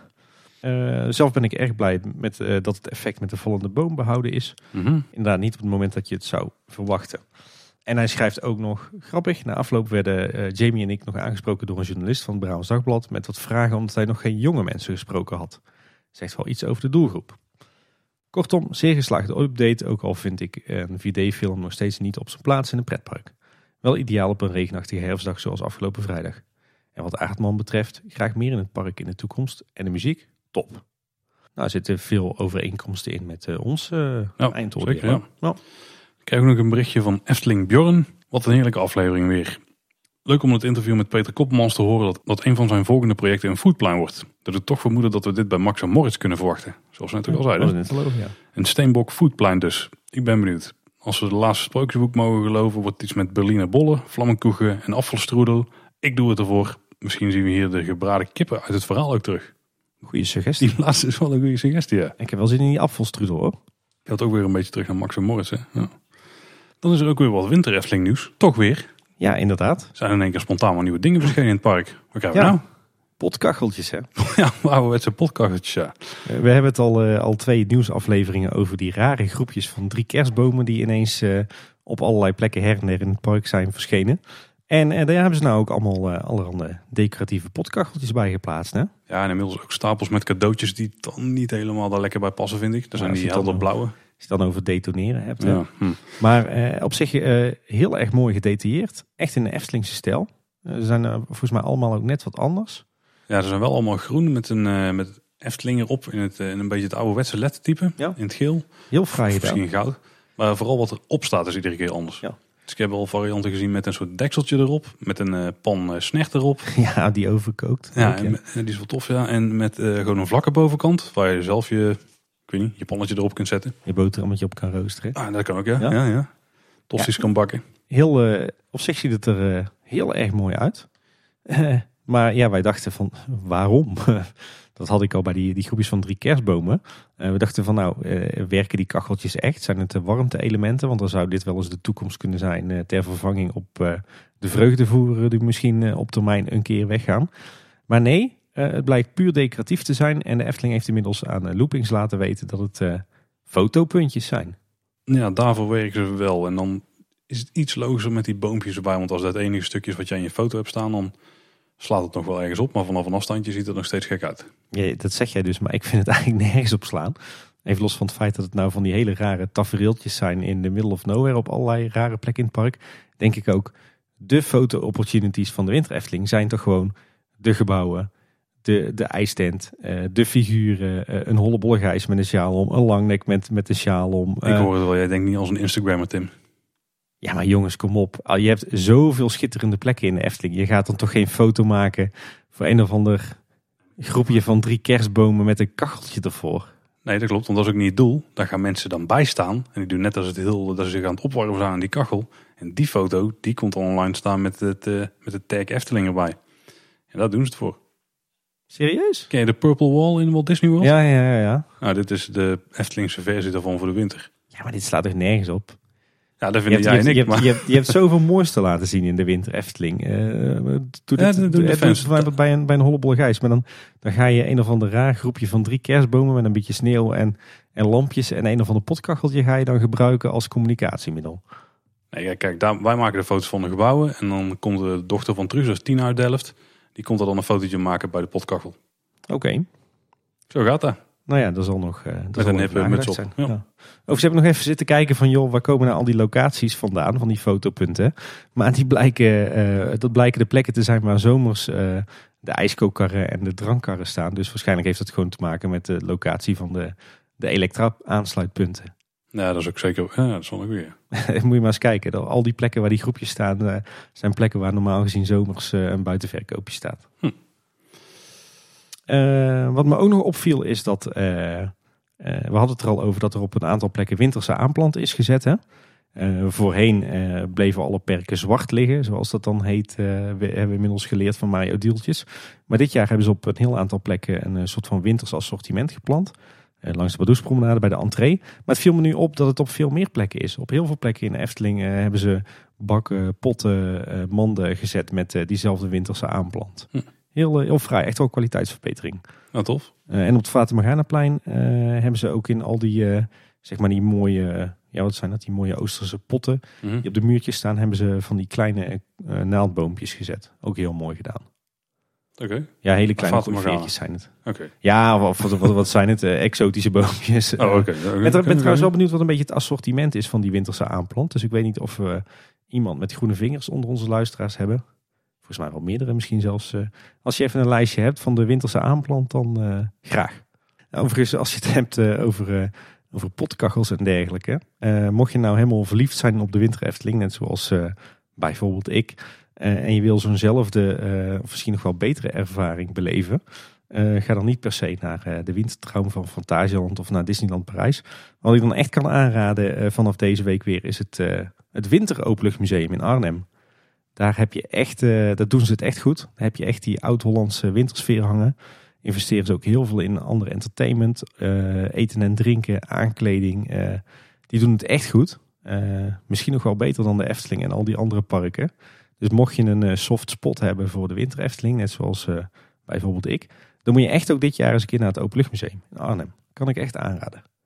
Nog een klein aandachtspuntje voor de winter Efteling. We hebben het er al eens eerder over gehad, maar het is een terugkerend probleem. eh, en dat is het, het gebrek aan kinderstoelen in het IJspaleis. Ik weet niet of jij dat... ja, trouwens, daar heb jij niet meer mee te maken, Paul, want jouw kinderen zijn oud genoeg. Maar het, het, het valt mij op dat er volgens mij echt één of twee kinderstoelen beschikbaar zijn Oeh, voor het hele Dat IJspaleis. is wel heel weinig. En dat is weinig. Dus eh, ik zou bijna willen zeggen, joh, Efteling, eh, maak even een accountje aan op eh, IKEA Zakelijk. En koop even 10 of 15 van die eh, IKEA kinderstoelen van een tientje. Dan kunnen we even vooruit. Want nu is het vechten om een kinderstoel in het IJspaleis. Ja, dan kun je natuurlijk niet eten daar, hè, zonder dat je kind kan zitten. Nee, terwijl je kind er eh, behoorlijk goed schafte. Waar je wel kunt eten, is in Aliciana's kruidentuin. Kruidenkas? Kruiden, Kruidenkas. kruidenkas, ja. Want die is sinds 2 december geopend. Dat is natuurlijk de uitbreiding aan uh, Polles Keuken. Ehm, ik las berichten dat, eh dat Aliciana's kruidenkas alleen zou worden ingezet als het druk is. Maar het viel mij laatst al op toen wij eh, daar zelf ontbeten hebben. Met American Pancakes voor de opening van Fabula. Dat, dat, dat je er toen ook gewoon al kon gaan zitten. Dus volgens mij wordt die vaker ingezet. Ja, als we dan een beetje kijken naar de inrichting, want hij is nou natuurlijk helemaal afgerond. Ja. Er eh, liggen tegels met laminaatlook op de grond, dus een beetje zo'n donkerhout eh, uitstraling. Ja, een beetje dezelfde materialisering als in eh, de proeftuin van het Loonse Land. Ah ja, ja inderdaad, ja, ja. En dan hebben we nog nou, een berg decoratie eigenlijk die zijn toegevoegd. Dus we hebben wat, ja, wat kastjes staan, wat meubeltjes. We hebben daar het boek, wat al in het blogbericht wordt aangekondigd. Potjes met, met kruiden, nepplanten, klimop, kaarsen. Een vijzel lees ik hier zelfs, Tim. Ja. Dat zijn die, die bakjes waar je kruiden in kunt eh verbrijzelen. kunt klussen. En Oh ja, zo'n bak. Ja, natuurlijk. Ja, ja. Paddenstoelen, wekpotten, ja, de gedroogde kruiden die hangen dan, uh, serviesgoed. Ja, een hele hoop eh, details, hè. Ja, heel fraai geworden. Ja. We hebben ook eh, wat van die symbolicaanse lampjes aan de muur. Die kennen we wel inmiddels een beetje. En eh, we hebben volgens mij daar ook een eh, afbeelding van Alciana hangen. ja, inderdaad. Een mooi schilderijtje. En het meubilair, dat is wel eh, misschien vind ik het minste van het geheel. Want dat lijkt gewoon het, eh, ja, beetje van de standaard meubilair te zijn. Hè? Ja, het is volgens mij het, uh, het nieuwe terrasmeubilair uh, van die nieuwe leverancier. Zoals we dat ook bijvoorbeeld nu zien bij het Witte Paard en het Poffertje. Ja, want de Polskeuken zelf hebben natuurlijk dat uh, volgens mij custom meu of custom ja. stoelen en zo. Ja. En die missen we hier anders wel. Dus dit is iets meer dat je toch een beetje buiten zit, maar dan binnen. Ja. Ze hebben overigens nog wel een probleem met de koude daar. Want er schijnen al extra elektrische kacheltjes bij je plaats te zijn. De buggystalling is inmiddels ook in gebruik. Uh, en daar is inderdaad ook verlichting in aangebracht zoals we al dachten. En uh, we begrepen van een insider dat het, het buitenterras nu nog opnieuw moet worden heringedeeld. en komende zomer gaan bij lekker weer alle deuren open. Zodat binnen toch weer een beetje buiten is. En ik zat te denken, eigenlijk is Aliciana's kruidenkas daarbij niet, daarmee niet zozeer een kruidenkas, maar eigenlijk meer een, een wintertuin of een orangerie. Als je namelijk een beetje gaat zoeken op wintertuinen, dan ja, zie je eigenlijk beelden en definities die heel erg mooi aansluiten op wat, uh, wat dit nu is. Oké. Ik heb wel het idee, als je er, erin staat, het voelt wel een beetje als een pijpenlaadje waar je in wordt weggestopt. Ja, ik kan me wel voorstellen als je helemaal om de hoek zit, dat het heel moeilijk is om dan de aandacht van iemand te krijgen die jou nieuwe drankjes kan, kan geven. Ja, het is echt zo'n ja, zo'n heel lange, lange weggestopte rij tafels. Ja, toch is wel, zeg maar, het eerste stuk voelde, het geheel was even breed, maar het voelt wel wat breder dan ik had verwacht. Want je hebt dus vaak uh, twee tafeltjes met een gangpad ertussen. Ik had mhm. verwacht dat er maar één tafeltje kon staan, zeg maar, met een gangpad erlangs. Dus dat valt me dan niet tegen. Maar ja, als je helemaal aan het einde om de hoek zit, zit je wel in het weg van de bar bijvoorbeeld. Ja. Dus überhaupt van mensen die af en toe langs komen lopen. Maar goed, het is een quick win hè, of een quick fix. Het is eigenlijk uh, met, met weinig middelen uh, extra capaciteit creëren. Dat is geslaagd. Zeker in de winter heel erg, heel erg ja. fijn. We hebben al een beter hè, op 6 december bij de opening van Fabula. Wel overigens in het, uh, het reguliere deel van uh, Polskeuken. Nou, er was trouwens ontzettend druk, viel me op. Ja, inderdaad. Voor vrijdag. Heel druk. Uh, ook veel internationale gasten, viel me op. En volgens mij zat bijna alles vol. Volgens mij, ja. ja volgens mij zat alles vol. Nou, scheelt het misschien wel dat, dat hè, Nederlanders ontbijten natuurlijk allemaal nog trouw thuis met een boterham met kaas of hagelslag. Het is natuurlijk wel zo dat in het buitenland dat mensen meer gewend zijn om later op de dag te ontbijten buiten de deur. Dus misschien dat dat het grote aantal internationale gasten verklaart. Ja, mocht je twijfelen aan het succes van uh, Tom Bijt, nou, het was een succes. Dat kan ik je wel vertellen. inderdaad. Het is wel, was het anekdotaal, anekdoteel bewijs? Ik uh, geloof Anecdotal is op zijn Engels, Engelaans. Ik geloof niet dat hij in Nederlands staat. Anecdotal evidence. Ah, kijk. Want we hebben het één keer geconstateerd, dus misschien valt het wel tegen. Maar op basis van die constatering, ja.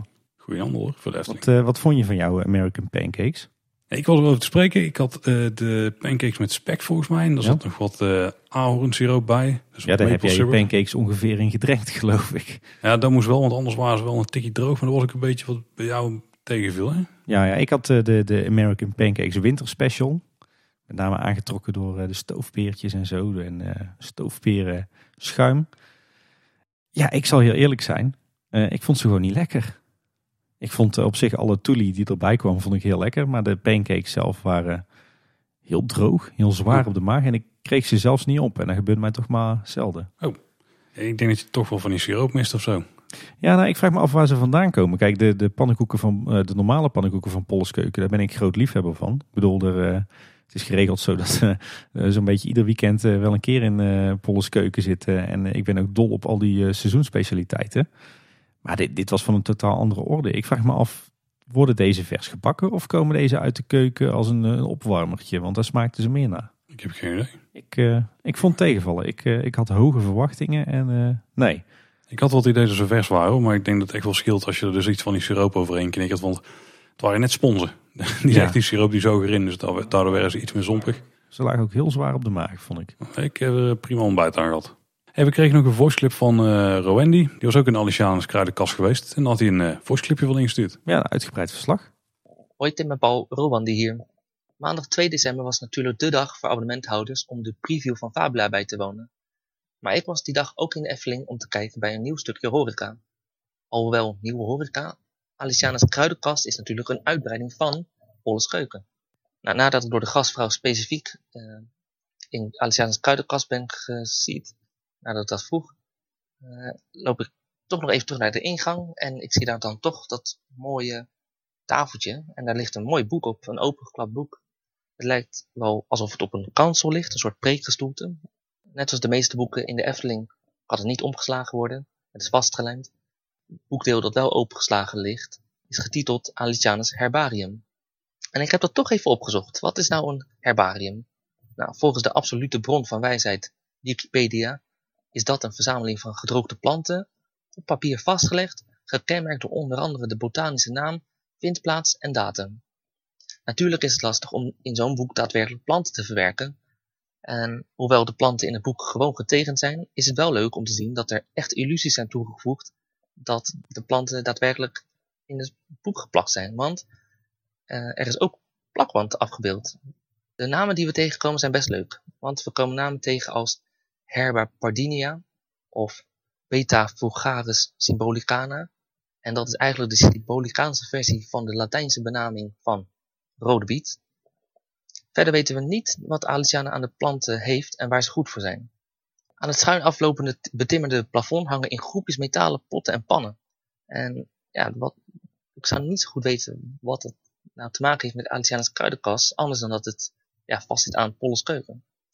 Boven de deuren hangen bosjes kruiden te drogen aan een soort van gordijnroeden. Aan de muren hangen vrij dik ondersteunende planken. En op die planken zijn allerlei potjes en wegpotten, gevuld met verse en gedroogde kruiden en bloemen. Die potten die zijn nauwkeurig gelabeld.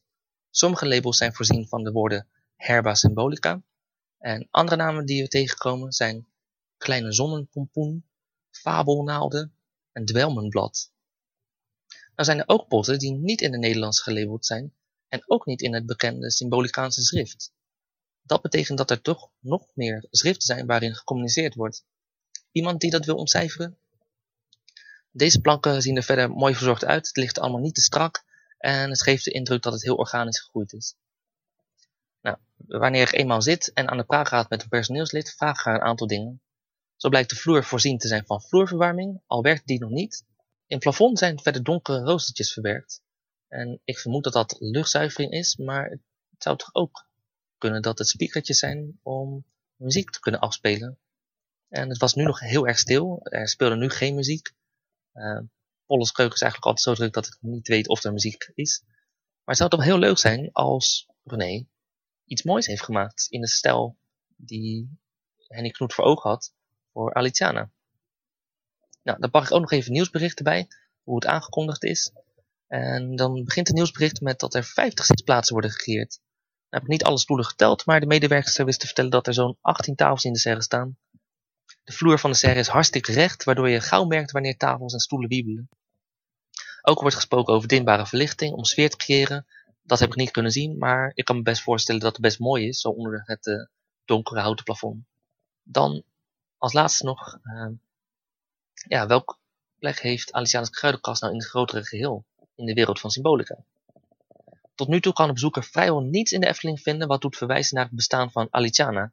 En tenzij ik niet uh, goed heb opgelet in symbolica, hangt voor mij in de nieuwe kruidenkast pas voor het eerst een afbeelding van Aliciana in de vorm van een portret. De blogpost wijst de kruidenkast aan als het domein van Aliciana. De kruidenkast is met huidige opzet onlosmakelijk verbonden met Polles keuken. Je kunt het niet meer als aparte onderdelen in de wereld van symbolica zien. En voor mij begint daar toch de schoen wat te wringen. Want ik was altijd in de veronderstelling dat Polles keuken op zichzelf los stond en toch een soort hofkeuken was van symbolica. Wat eigenlijk ook weer raar is, want zou de hofkeuken zich buiten de muren van het enorme paleis aan de andere kant van het plein bevinden? Wanneer we toch even kijken naar wat we wel weten over Aliciana, dan kunnen we teruggrijpen naar de tekeningen die in 2010 gepubliceerd zijn en nu nog te vinden zijn op Eftelist. Daar zit een gedetailleerde tekening bij van een gebouw dat we nu kennen als Polles Keuken. Dan heb ik het over de raampartijen en torentjes die heel herkenbaar zijn, die twee torentjes aan de buitenkant. Echter is die tekening benoemd als het kruidenatelier van Aliciana. Nu dan toch Aliciana's kruidenkast verbonden is met Polles Keuken, is het eigenlijk onmogelijk om die twee los van elkaar te zien. Het hoort bij elkaar. Is, is Polle dan in het atelier van Aliciana een restaurant begonnen? Eftepedia met meldt dat Aliciana een apotheek heeft. Worden die geneeskrachtige kruiden dan verwerkt in Polles keuken? Zit jij kruiden te eten uit die tuin van Aliciana?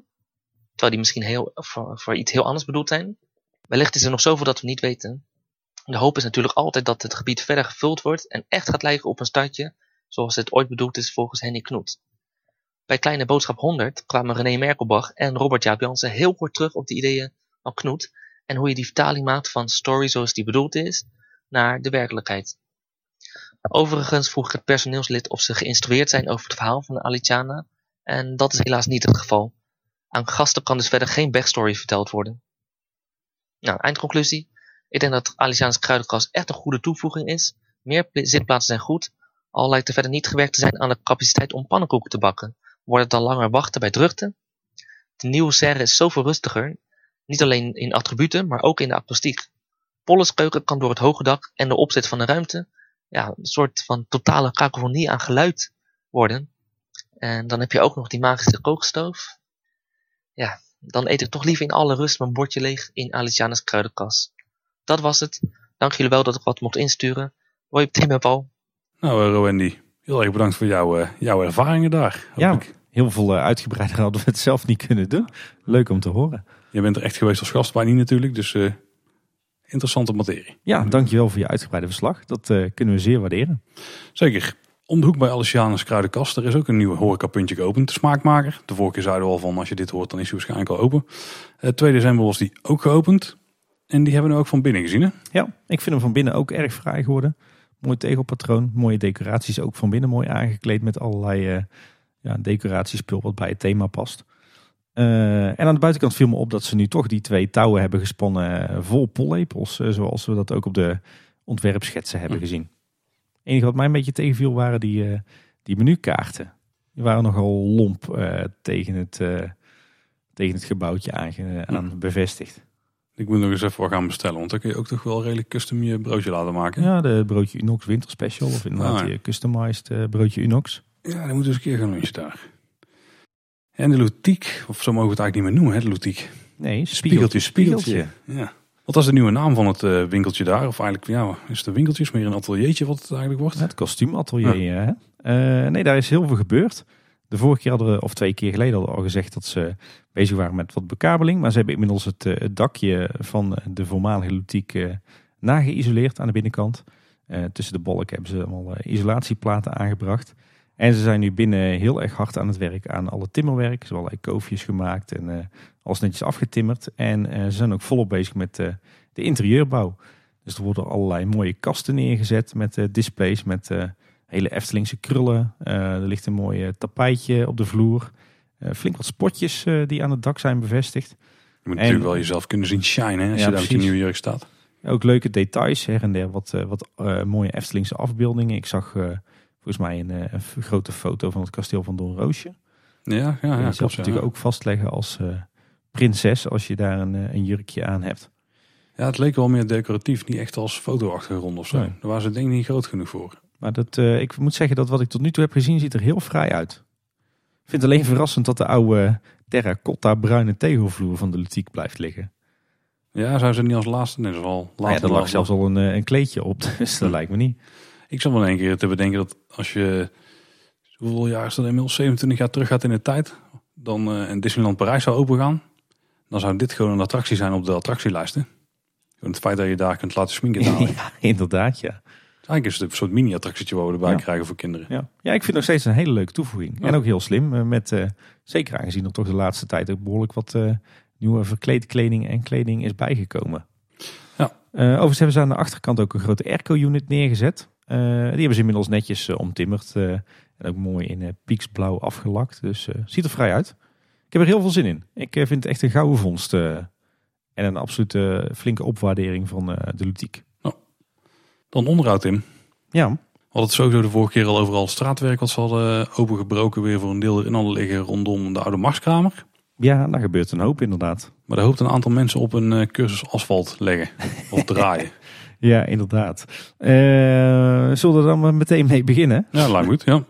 nou, zo spannend is het niet. Het is nou in ieder geval duidelijk, uh, het straatwerk rond de Marskramer is voor een, groot, voor een groot eind klaar. Het is nu wel duidelijk dat er voor de Marskramer ook een mooi groot groenvak is gemaakt. Ja ben wel benieuwd of dat ze daar nog nieuwe bomen en beplanting in gaan zetten. Ik hoop dat we ze niet gewoon uh, zo kaal laten. Want nee, nou, er zullen sowieso planten in komen.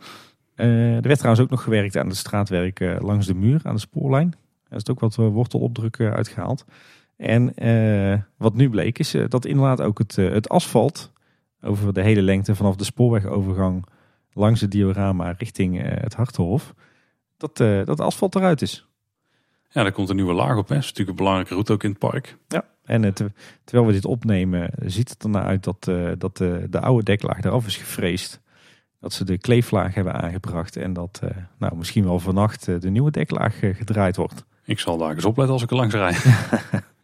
Ik ben wel blij dat ze helemaal doortrekken tot eh, het diorama, want daar zit, eh, een, er zat een heel slecht stuk in de Nou. asfalt. Het mooiste is natuurlijk wel dat het asfaltpleintje daarvoor het Sprookjesbos weg is. Hè? Want daar hebben ze dus alles getegeld. Helemaal rood, eh, rood gebakken materiaal, ja. Ik, ik hoop wel dat ze volgend jaar ook wat gaan doen aan het asfalt zeg maar, van de dubbele laan. En dan met name ter hoogte van het Efteling Museum en de Zoete Inval. Mhm. Want die is daar ook heel slecht. En nu heb je eigenlijk echt een soort asfaltstraat hè? met daar langs een soort pleintje. Ja, op zich eh, prima oplossing. De asfalt voor de, de hoofdtransportroute en de rest gewoon eh, netjes eh, in klinkertjes. Ja. Ja, waar ze inmiddels mee zijn gestart is ook de sloop van het huisje van vrouw Holle. Eindelijk. Ja, inderdaad. Zijn ze deze week mee begonnen. Aan het eind van vorige week waren ze al bezig met de voorbereidingen. De animatronic van vrouw Holle weggehaald. eh, de haan van het dak af. En ja, wat we tot nu toe hebben gezien deze week... is dat ze ook vooral bezig zijn met de voorbereiding van de sloop. Ze hebben nog wat hekjes weggehaald. En die emmer met de mattenklopper is weggehaald. Eh, ze hebben de bekabeling rond het huisje gerooid. Eh, ook wat, eh, wat ander grondwerk gedaan. De hekken eromheen natuurlijk. En her en der zijn al wat gaten geslagen. Ik denk voor asbestonderzoek. En dan zal het niet al te lang meer duren voor het, het huisje volledig tegen de grond wordt getrokken. Dan kunnen we weer een klassieker doen. Als je dit hoort, dan is het misschien al wel verdwenen. Snik, snik. Zou wel heel snel zijn trouwens. Ja. Ik verwacht in de loop van deze week. Denk het ook, ja. Er was overigens nog eh, een, eh, een mooi artikel op de Efteling blog. Waar ook uitgebreid aandacht werd besteed aan de geschiedenis van het huisje. Waarschijnlijk eh, deels uit onze aflevering gehaald eh, over de geschiedenis van voor 52. Eh, en Eftelingstraat.nl die kreeg een, een kijkje in het huisje. Was mooi om te zien hoe het, hoe het huisje er nog steeds bij lag. Het Ja. was eigenlijk nog redelijk de status quo van toen het ooit Sprookjesmuseum was. Zo zag het er wel uit, ja. ja. En, en met de kennis van nu best wel veel elementen nog in het zicht aan de binnenzijde die nog eh, terug te brengen zijn naar het, eh, het huisje zoals het ooit voor de scouting gebouwd was. Ik vond een paar fascinerende foto's. Nou, die hebben we in ieder geval weer in de geschiedenisboeken. Ja. Eh, Efteling Nerd die, had ook meteen de gelegenheid aangegrepen bij het slopen van een oud object van hoe zit het nu met die paddenstoelenhuisjes van het paddenstoelenparcours. En die kreeg eigenlijk het standaard antwoord. Hè. Er worden diverse opties bekeken, plan uitgewerkt en er is nog niks definitief bekend.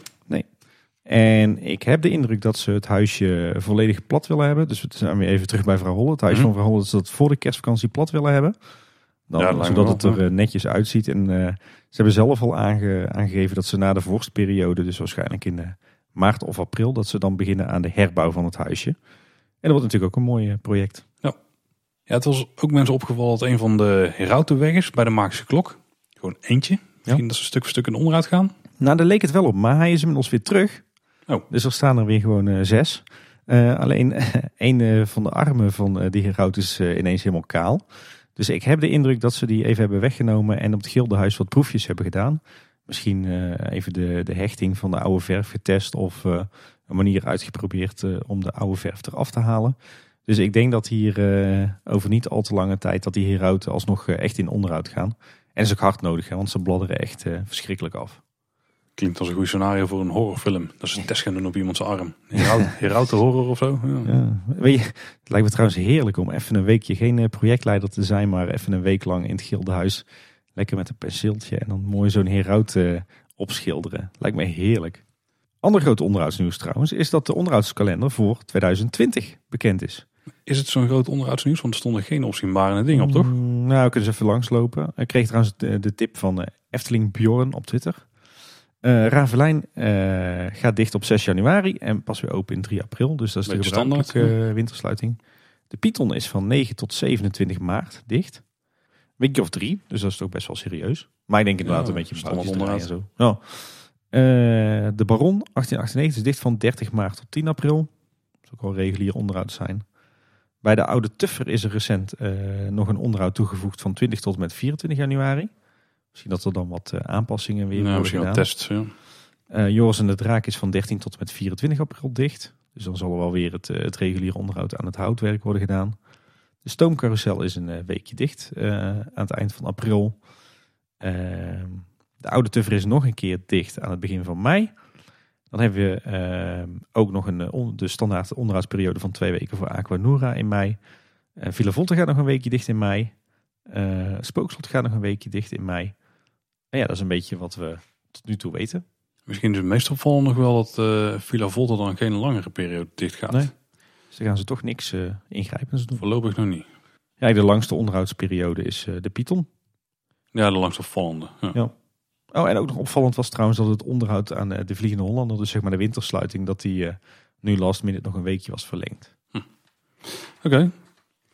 Ja, de Vliegende Hollander, die haal je net al aan. Er waren ook wat graafwerkzaamheden voor de entree. Een beetje kijkend naar de vorm lijkt het bijna dat ze die heg gaan doortrekken die aan de voorkant staat. Ja, dat. Of het, deed me ook wel denken aan een kabelsleufje. Ja, het was wel zo lekker met zo'n strakke hoek Ja. erin.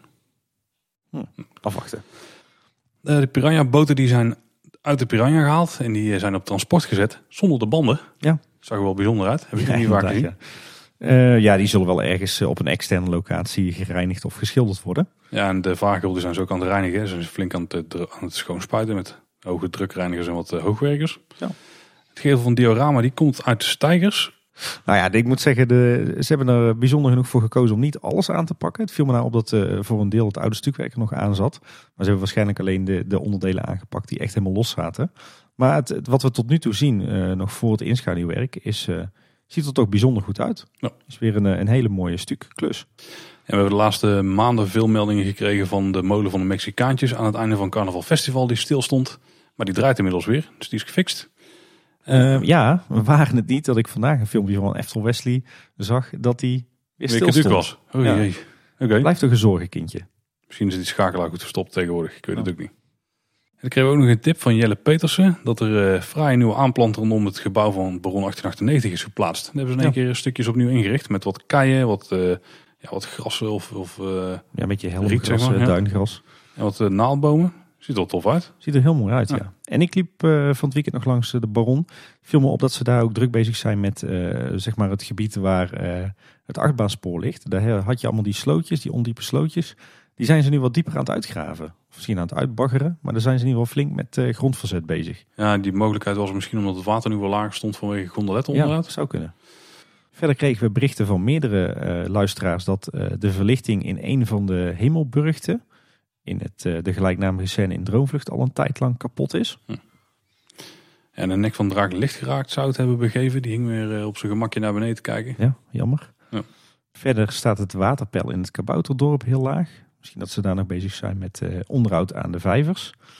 En er was plotseling onderhoud in het Lavelaar. Want de hele hoek bij Lijn Zweefhuis en Los Brouwhuis was afgesloten. En wat blijkt, Loopings eh, heeft wat navraag gedaan bij de Efteling. Maar eh, ze hadden daar last van eh, houtworm. Of althans eh, houtborende insecten, zoals dat dan officieel heet. Dus ze zijn druk bezig met de bestrijding. Er is ook te zien dat bij Lijns Zweefhuis aan de buitenkant... dat een heel aantal van die planken zijn afgeschaafd. Waarschijnlijk om de aangetaste delen te verwijderen. En de hele vloer ligt er volledig uit. Nou, Dus die, dat, die was al niet heel erg goed hoor. Nee. Dus eh, het verbaast me niks eerlijk gezegd. En het is ook heel, eh, heel logisch op die plek. Maar eh, ja, als je nu dus een, op en neer wilt rennen over Lijn Zweefhuis, dan krijg je een nat pak. Maar goed, die, die hoek van het Lavelaar is afgesloten op dit moment. Verder zijn ze ook nog steeds bezig met de gondoletta. Volgens mij is daar van de week een nieuwe staalkabel ingetrokken. Want ik zag daar allemaal van Mhm. die eh, grote kabelrollen liggen. Dus dat kan haast niet anders. Eh, en de, draais, de nieuwe draaischijf is daar volledig opgebouwd. Althans de hele nieuwe staalconstructie. Dus daar moeten nou nog eh, van die nieuwe vlonderplanken op. En verder werd er ook nog eh, wat gegraven en geklust bij Joris in de Draak. In de kademuur. Een beetje zo tussen Etna en het station. Hè? En ze waren daar wat bezig met, met een ijzeren paal. En er lagen nog wat kabels en er werd beton gestort. Dus ik zat te denken, hebben ze misschien een nieuwe aarding van de baan gemaakt of zo? Een bliksemgeluid is misschien Ja. op het hoogste stuk. Dat is wel een gekke plek daarvoor trouwens. Ja, nou, die Hm. baan moet natuurlijk in zich heel geaard zijn. Misschien dat ze onvoldoende aarding hadden en dat ze een nieuwe plek bijprikken. Ik kreeg ook nog van verschillende mensen te horen dat opvalt dat eh, de zwanen van de zes zwanen, dat die eh, toch wel ernstig beschadigd zijn al. Eh, en last but not least, we berichten er al eerder over dat eh, er een nieuw hekwerk eh, was teruggeplaatst in de stoomcarousel. En een van onze luisteraars zei van het is het gewoon het oude hekwerk maar dan opgeknapt. Dan ben ik zelf van het weekend weer eens in de stoomcarousel gegaan. Maar volgens mij is eh, al het hekwerk van de meandering in de stoomcarousel helemaal nieuw. Zo, zo, zo. Ja. Ongelooflijk. Eh, en ja, volgens mij is het wel degelijk anders dan wat we hier voorheen hadden. Eh, namelijk, het is nu echt niet meer opklimbaar. En eh, de, de afstand van de spijlen in het hekwerk zijn ook eh, kleiner, zodat er ook eh, kinderen niet meer in beklemd, eh, bekneld kunnen komen te zitten. Het zal helemaal volgens de eisen van het bouwbesluit zijn uitgewerkt. Maar het is heel fraai gedaan met mooie krullen en mooie bolletjes. Ze hebben de hekjes nu ook zeg maar helemaal demontabel gemaakt. Dus ze hoeven nu niet in één keer meer alles weg te halen. Maar dat kan ook per segment. Ziet er bijzonder fraai uit. Maar ik kan me voorstellen dat, dat de leek denkt dat het precies hetzelfde hekwerk is. Want het is echt heel mooi uitgewerkt. Echt eh, complimenten voor degene die dit heeft ontworpen. Ehm, het enige opvallende is denk ik dat je voorheen had je dat rood, eh, piekrode hekwerk met van die echte messing bolletjes. En nu is het gewoon met een kwastje eh, ja, beige geschilderd, piekgeel dus. En dan het korte nieuws. We hebben het een hele tijd geleden al gehad over eh, een initiatief van de Efteling. Volgens mij met Valentine, waarbij je een blind date kon hebben. Volgens mij Mhm. ging dan een gondoletta en zo. Ja. Er waren een heel hoop mensen die konden daar niet aan meedoen. En, en op basis daarvan heeft Anders Heirier een Facebookgroep aangemaakt. Efteling Singles. En die heeft inmiddels 1462 leden. Misschien inmiddels wel meer. Ja. Eh, en er zijn al een aantal succesverhalen uitgekomen van mensen die elkaar daar hebben gevonden. Ja, heel tof Mooi initiatief. Ja, toch? zeker. Ja. Ja. Wat dat betreft is de Efteling toch wel een plek waar heel veel eh, relaties eh, opbloeien. Tim, ja. Onder het personeel ook wel. Hè? Wat dan weer leidt tot eh, huwelijken en baby's. Maar eh, nou ja, tof initiatief. Ik, eh, ik hoop dat er heel veel Efteling, vrijgezelle Efteling fans elkaar hier vinden. Ik was trouwens van de week, bracht ik eens een keer weer eens een bezoek aan de resort van de Efteling. En toen viel mij op dat het Loonse Land door de week dicht is. ja, inderdaad. Daar had je het over. Ja. Dat is toch weer net als vorig jaar. Ja, ik heb een beetje navraag gedaan en toen bleek dat er in Bosrijk maar 200 gasten waren. Je- Bosrijk met 200 gasten. Ja, dus eh, als je dan telt dat Bosrijk ongeveer een capaciteit van eh, eh, 1500 heeft en het Loonse Land van 1000, dan heb je dus op een totaal aantal bedden op die beide resorts van 2500, heb je 200 bedden bezet. Mm, dat is dat is niet 9% bezettingsgraad. Dat is niet goed. Nee, ehm viel me trouwens wel op toen ik in eh, Bosrijk was dat er eh, nog hard wordt gewerkt aan het landhuis. Daar zijn ze die kamers aan het eh, ombouwen naar hotelkamers. hè. En dat, eh, ja, ik zowel op Bosrijk als op het Loonse Land, dat er overal wel wat aan onderhoud plaatsvindt aan al die huisjes. Dus eh, ze benutten die, eh, die tijd wel goed. Weet je wel, cv-keteltje, een beetje schilderwerk, dat soort dingen.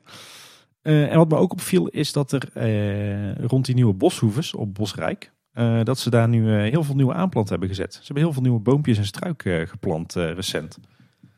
En wat me ook nog opviel is dat ze daar nu een nieuw kassasysteem hebben op de verblijfsaccommodaties. En daar kunnen ze je abonnement niet meer scannen. Niet Dus- miskennen. Nee, dus als je een, eh, een Efteling abonnement kunt laten zien, ongeacht of dat die geldig is of niet, dan slaan ze gewoon handmatig eh 5% Oh, oké. korting aan. Maar die registratie, wie, eh, ja, dat je dus daar iets bestelt en wat je dan bestelt, die komt niet meer door. Nou, we hebben het al gehad over dat je nu voortaan digitaal eten kunt bestellen bij de hongerige machinist. Op het Efteling blog is een artikeltje verschenen. Daar geven ze wat meer achtergrondinformatie. Dus ook waar het project uit ontstaan is. Ze hadden dus een interview met product owner Robert van Gorp. En het idee kwam blijkbaar van eh, Roy en Michelle, zijn medewerkers van, Ja. in het park. Ja. En een aantal maanden geleden toen kon je al de menukaarten en assortimentinformatie zien in de app. Dat was stap 1. En nu je ook kunt bestellen is stap 2 ook voltooid. Op dit moment is het eh, assortiment wat je kunt bestellen is nog beperkt. Dus nu nog een soort testperiode. Maar die gaan ze het later wel uitbreiden. Dan kun je echt alles daar bestellen. Ja, inderdaad. En er werd ook aangegeven in het blogbericht dat, eh, dat na de test wordt bekeken of het mogelijk op andere plekken wordt doorgevoerd. En eh, dankzij een bug in de, in de app kon je al wel zien wat de volgende plek is. eh, want het wordt waarschijnlijk Polles Keuken. Want je kon nu al eh pannenkoeken bestellen via de app. En het ligt ook wel heel voor de hand dat je naast Polleskeuken en de hongerige machinist de andere snacklocaties ook kunt, Ja. je daar ook wel kunt bestellen. Lijkt me wel. Overigens, overigens doen ze hun best om het een succes te laten worden. Want het viel mij op dat op heel veel plekken in en rond station de Oost... dat er allerlei sandwichborden staan met ook, eh, die het zeg maar aankondigen... met ook weer een bakje erin met, eh, met flyertjes over het eh, project. Dus ze doen heel erg hun best om het goed uit te leggen. Nog een paar YouTube tips, waaronder een Efteling tips video. Ja, dat was is weer eentje. wederom gejat van ons natuurlijk. ja, inderdaad. Een Efteling tips aflevering over een winterse dag in de Efteling. Zal wel heel veel liggend zijn geweest. We hebben ook nog een, een YouTube niet kijktip. Dat is de nieuwe kersthit voor iedereen de allermooiste dagen van Corrie Konings en Roy Donders. Die op is genomen in de Efteling. Die bekijken. ho, ho, ho. Vind je Jij vindt hem niet te kijken, maar ik vind het wel een aanrader hoor. Ja? Ja, Vanwege de muziek of? als je houdt van het genre. Ah, oké. ja. Nee, nou ja, goed. eh, het is wat je verwacht van Roy Donders en Corrie Konings. Maar eh, het, het, het valt me wel op dat de hele videoclip is echt één lange grote reclamespot voor de Winter Efteling. Dus dat doen ze dan wel weer goed. Oké, hm. de Efteling heeft toch nog iets aan gehad. En verder moet het, eh, ja, ligt het er maar net aan wat je muzieksmaak is, of je dit leuk vindt of niet. Dat is eh, absoluut waar, ja. En er was er ook nog een hele interessante video, niet van de Efteling, maar van eh, de Groot Spoorgroep. Wat volgens mij een eh, clubje hobbyisten is, wat heel erg into treinen is. Die zijn op bezoek geweest in de Efteling. En die hebben een video gemaakt van, nou, ruim een half uur. over de stoomtrein van de Efteling. En dat is inclusief een kijkje in de remise en uitgebreide uitleg over het, het opstarten en het, eh, het opstoken van de locomotieven. Dus als je dat interessant vindt, eh, de Efteling stoomtrein, moet je die video zeker even kijken. Eh, verder was het zo dat de mensen die laatst een raad der wijze onderzoek hebben gedaan over het bezoeken van de Efteling als minder valide.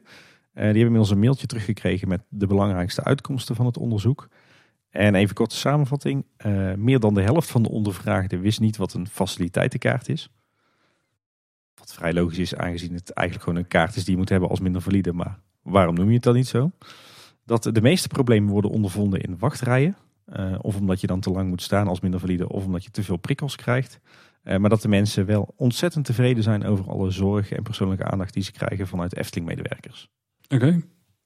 Ik heb ook nog een vraag van Christian Roos. Wat is er eigenlijk gebeurd met de omroepstemmen op de stations van de Efteling? Ik hoor deze nooit meer de laatste tijd.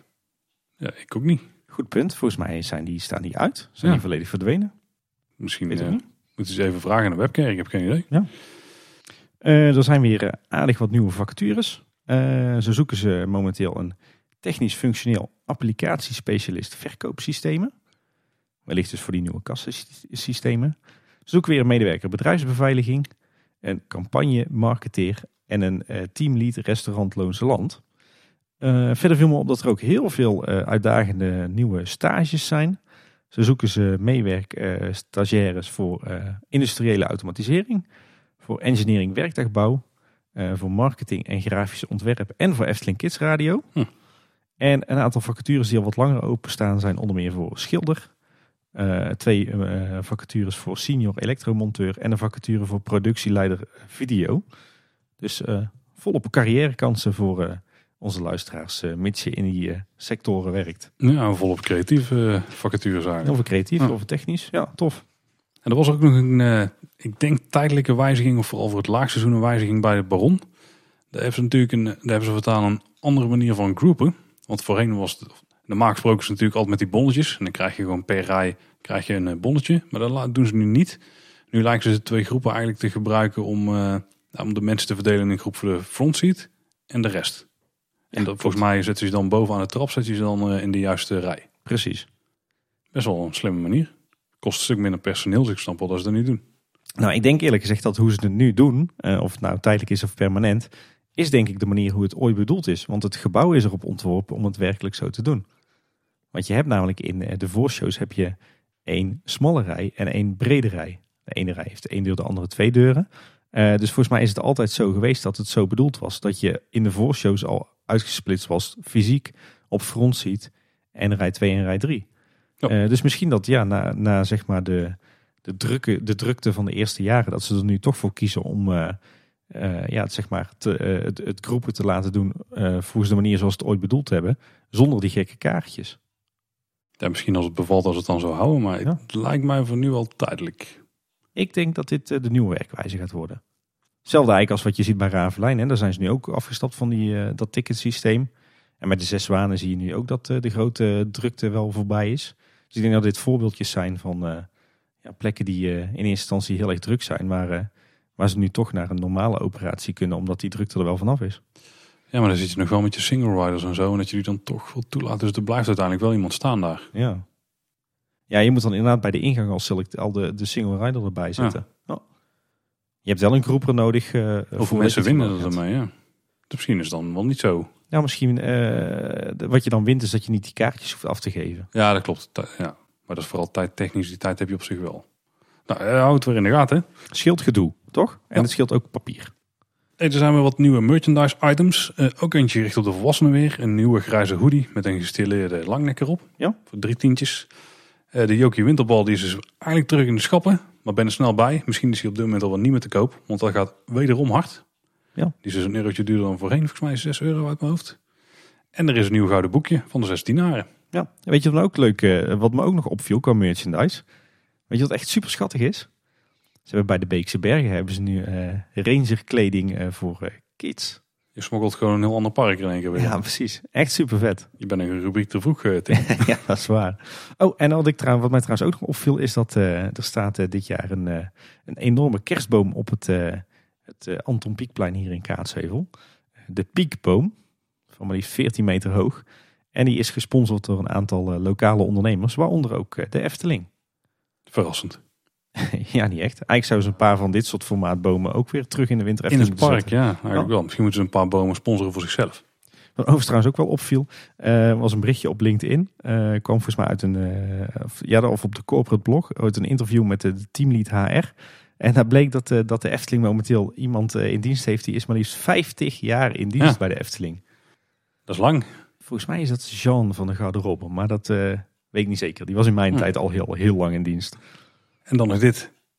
Ja, mij is de afgelopen weken, waar ik de afgelopen week, iets enorm opgevallen. Op 5 december is namelijk in alle Disneyparken Rise of the Resistance geopend. De nieuwe Star Wars attractie in Galaxy's Edge.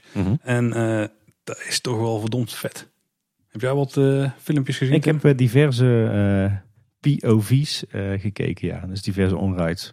Ik, als je me een keer in het echt spreekt, ik wil hier heel veel over kletsen. Maar voor nu houdt het heel beperkt. Ook eh, speciaal voor Thomas van Team Talk, die niet gespoild wil worden, want die gaat er over een paar weken heen. Maar vooral die special effects zijn echt super vet. Er zitten echt een paar dingen in dat je denkt van... Weet je, dat je bijna voor je kop slaat dat iemand anders nog niet zo heeft gedaan. Gewoon zo, soms heel simpel, maar zo effectief. Echt heel tof. Ja. ja, ik heb een beetje dubbel gevoel bij. Weet je wat het is? Dat dat vind ik wel interessant. Ehm, ik heb zelf echt helemaal niks met Star Trek of Star Wars. Wat is het? Star Wars? Wars, jongen. Ja, Ben jij nou aan het schelden in de kerk? ik, het, inter- het, het, het hele eh, Star Wars gedoe interesseert me echt totaal niet. Het spreekt me totaal niet aan. Ik heb daar nooit wat aangevonden. Ik heb het ook nooit langer gekeken dan een paar minuten. Het is gewoon Dat is niet mijn probleem. ding. Dat is het Ja. probleem. Ja, nou, dat is goed. Die discussie hebben we thuis ook wel eens. Maar het valt mij dus op. Ik heb die on-rides dus wel met interesse zitten bekijken. Ook omdat eh, Anne, eh, die wel Star Wars gek is, die, die, die was flink aan het smullen, zeg maar. Maar die attractie, die doet mij dus niks. Ik, ik ben totaal niet hyped. Terwijl, eh, wat mij het meeste interesseert nog is die techniek. Hè? Die combinatie van zo'n trackless vehicle Mhm. met simulator, met walkthrough. En als ik dat kijk, dan denk ik, wow, dit is een vet systeem. Daar zou de Efteling ook een, een, een fantastische dark ride van kunnen bouwen. Of een Symbolica 2.0. Maar omdat die IP van Star Wars mij dus niet aanspreekt, ben ik, heeft, heeft die hele attractie zoals die daar staat, de Rise of the Resistance, maakt echt totaal geen indruk op mij. Ik zit, die, ik zit hier onderwijs Ja, te kijken en ik denk, wat een bullshit komt hier voorbij. Ja, zo van afstand denk ik. Ja, ik denk dat namelijk als je erin zit, dat je dan op dat moment wel... Dat die indruk heel anders is, zeg maar. Ja, maar wat je ziet spreekt mij dus niet aan. Ik denk, ja, wat is dit voor, voor jaren 80 eh, fantasy eh, bullshit? Nou, jaren 70 hè, rustig aan. Jaren 70 dan. Nee, ik denk dat eh, als je daar echt bent, dat het dan compleet anders overkomt. Dat is ook wat ik wel hoor van mensen die er zijn geweest en die dan bijvoorbeeld zelfde video's maken en die online zetten. Die ook zeggen van ja, dit komt echt helemaal niet over als je het daar meemaakt. Zeg maar. Dan word je echt wel helemaal meegesleurd. Eh, je komt natuurlijk al door heel het gebied heen. Dan word je al helemaal voorbewerkt zeg maar, op hetgeen wat daar gaat ge- gebeuren. Zeg maar. Dan kom je wel in een sfeertje. En ook al ken je het dan niet, ik denk dat het dan, als je er echt in zou gaan, dat het dan toch een compleet andere ervaring is dan wat je nu van de video meekrijgt. Ik, ik zou er wel ingaan als ik daar was. Maar ik, mijn punt is, ik denk als de IP je totaal niet aanspreekt, zoals in dit geval bij mij, dat dan zo'n attractie eigenlijk weinig tot geen impact heeft. Nee, dat vind ik toch wel interessant. Want Terwijl het hele ritssysteem en de techniek spreekt mij wel aan, wetende dat dat in potentie wel heel mooi kan zijn. Het Small World spreekt me ook echt voor geen meter aan, maar toch is het waarschijnlijk om erin te gaan. Ja, oké, dit zal ook wel geinig zijn om, in, om erin te gaan. oh, Maar dat zijn ja, niet de reacties die ik over het algemeen hoor. Zeg. Ik denk dat er iets meer dan geinig is inderdaad. Maar ik eh, ben er wel eh, van onder de indruk, ja. De combinatie van, ook hoe ze Star Wars hebben toegepast. Ik ken die karakters dan wel. Dat voegt wel wat toe, maar niet eens, niet, niet eens zo heel veel. Ja, hier thuis zat er ook een op de bank te, Ja, te trippen. kijk, maar- Het is wel heel erg duidelijk van wat zijn de goede, wat zijn de slechte, zeg maar. En eh, wie moet jou hebben en wie niet en waar vlucht je van. Ik denk als je erin zit dat je er eh, best enthousiast Ja. uitkomt. ik wil er best voor naar eh, Orlando hoor. Als je er een keer naartoe gaat, Tim, dan moeten we bespreken. Ja, precies. En dan heb ik nog een luistertip. Ik hou het kort vandaag. En dat is Trust Nobody. Die is weer begonnen, die podcast. Dat is natuurlijk de Wie is de Mol podcast van Nederland. Ja. Met eh, Mark, Nelke en Elger. Ja. Mark toevallig gesproken. Die was ook bij Team Talk 100. Die Oh, was daar ceremoniemeester. En eh, ja, die, die zijn nu nog niet zo heel actief. Maar die hebben wel een vooraflevering gemaakt. Nu de, Ja, super gaaf. 80 Ja, minuten voorbeschouwing. Ja, een beetje zoals wij het ook zouden doen. Hè? Ja, precies. Nu de kandidaten bekend zijn inderdaad. En eh, de locatie ook bekend is. En Ben, je- ben jij trouwens ook een molloot? Eh, ja, het vroeger wel meer. Alleen, ik, daar zei ik ook nog tegen Mark. Eh, hun besparen mij best veel tijd met die podcast. Want normaal gesproken ging ik zelf alle forums afstruinen. En eh, Twitter helemaal doornemen met alle theorieën. Maar nu krijgen die gewoon iedere week. Volgens mij gaan ze op, ook op maandagochtend Ja. release. Hoe, dat wordt spannend Mhm. voor ons. Eh, kan ik gewoon... hoeveel luisteraars missen we dan? Ja. Verliezen we? nou ja, of, of zijn er uitgesteld aan Ja. het luisteren naar ons. Want Wie is de Mol is wel iets meer tijdtechnisch eh, belangrijk. Ehm, maar we besparen mij door gewoon iedere maandag een kant-en-klaar pakketje in mijn podcast-app te droppen. Waarmee ik weer helemaal op de hoogte ben. Eigenlijk wat wij ook doen in onze nieuwsaflevering. Eigenlijk wel, ja. ja, ja, ja. Nou, ik ben, ik ben wel een echte molloot ook. En ik, ga hier, eh, ik luister hier weer met veel plezier naar. Ja. Iets, eh, iets waar ik me heel erg aan stoorde van de week was een, eh, een tweetje van Loopings. Waar ze een foto van Assepoester pontificaal op Twitter zetten. Met, nou nou, Assepoester heeft een slechte nacht gehad. Omdat ze wat wallen had. Ja, ik, nee, ik wil toch even een, een, een potje breken of een punt maken. Ten faveur van Assepoester. Eh, ik vond het echt geen stijl. Ik vind, eh, je mag van alles vinden, maar ga niet mensen persoonlijk aanvallen en met naam en toenaam op social media zetten of zo'n foto.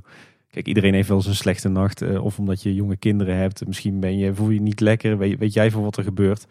Maar dan op zo'n manier op, op zo'n account iemand zo te kakken zetten. Echt diep triest. En ik wil een lans breken voor de, de dames die bijvoorbeeld Assepoester spelen. Want die doen echt supergoed werk.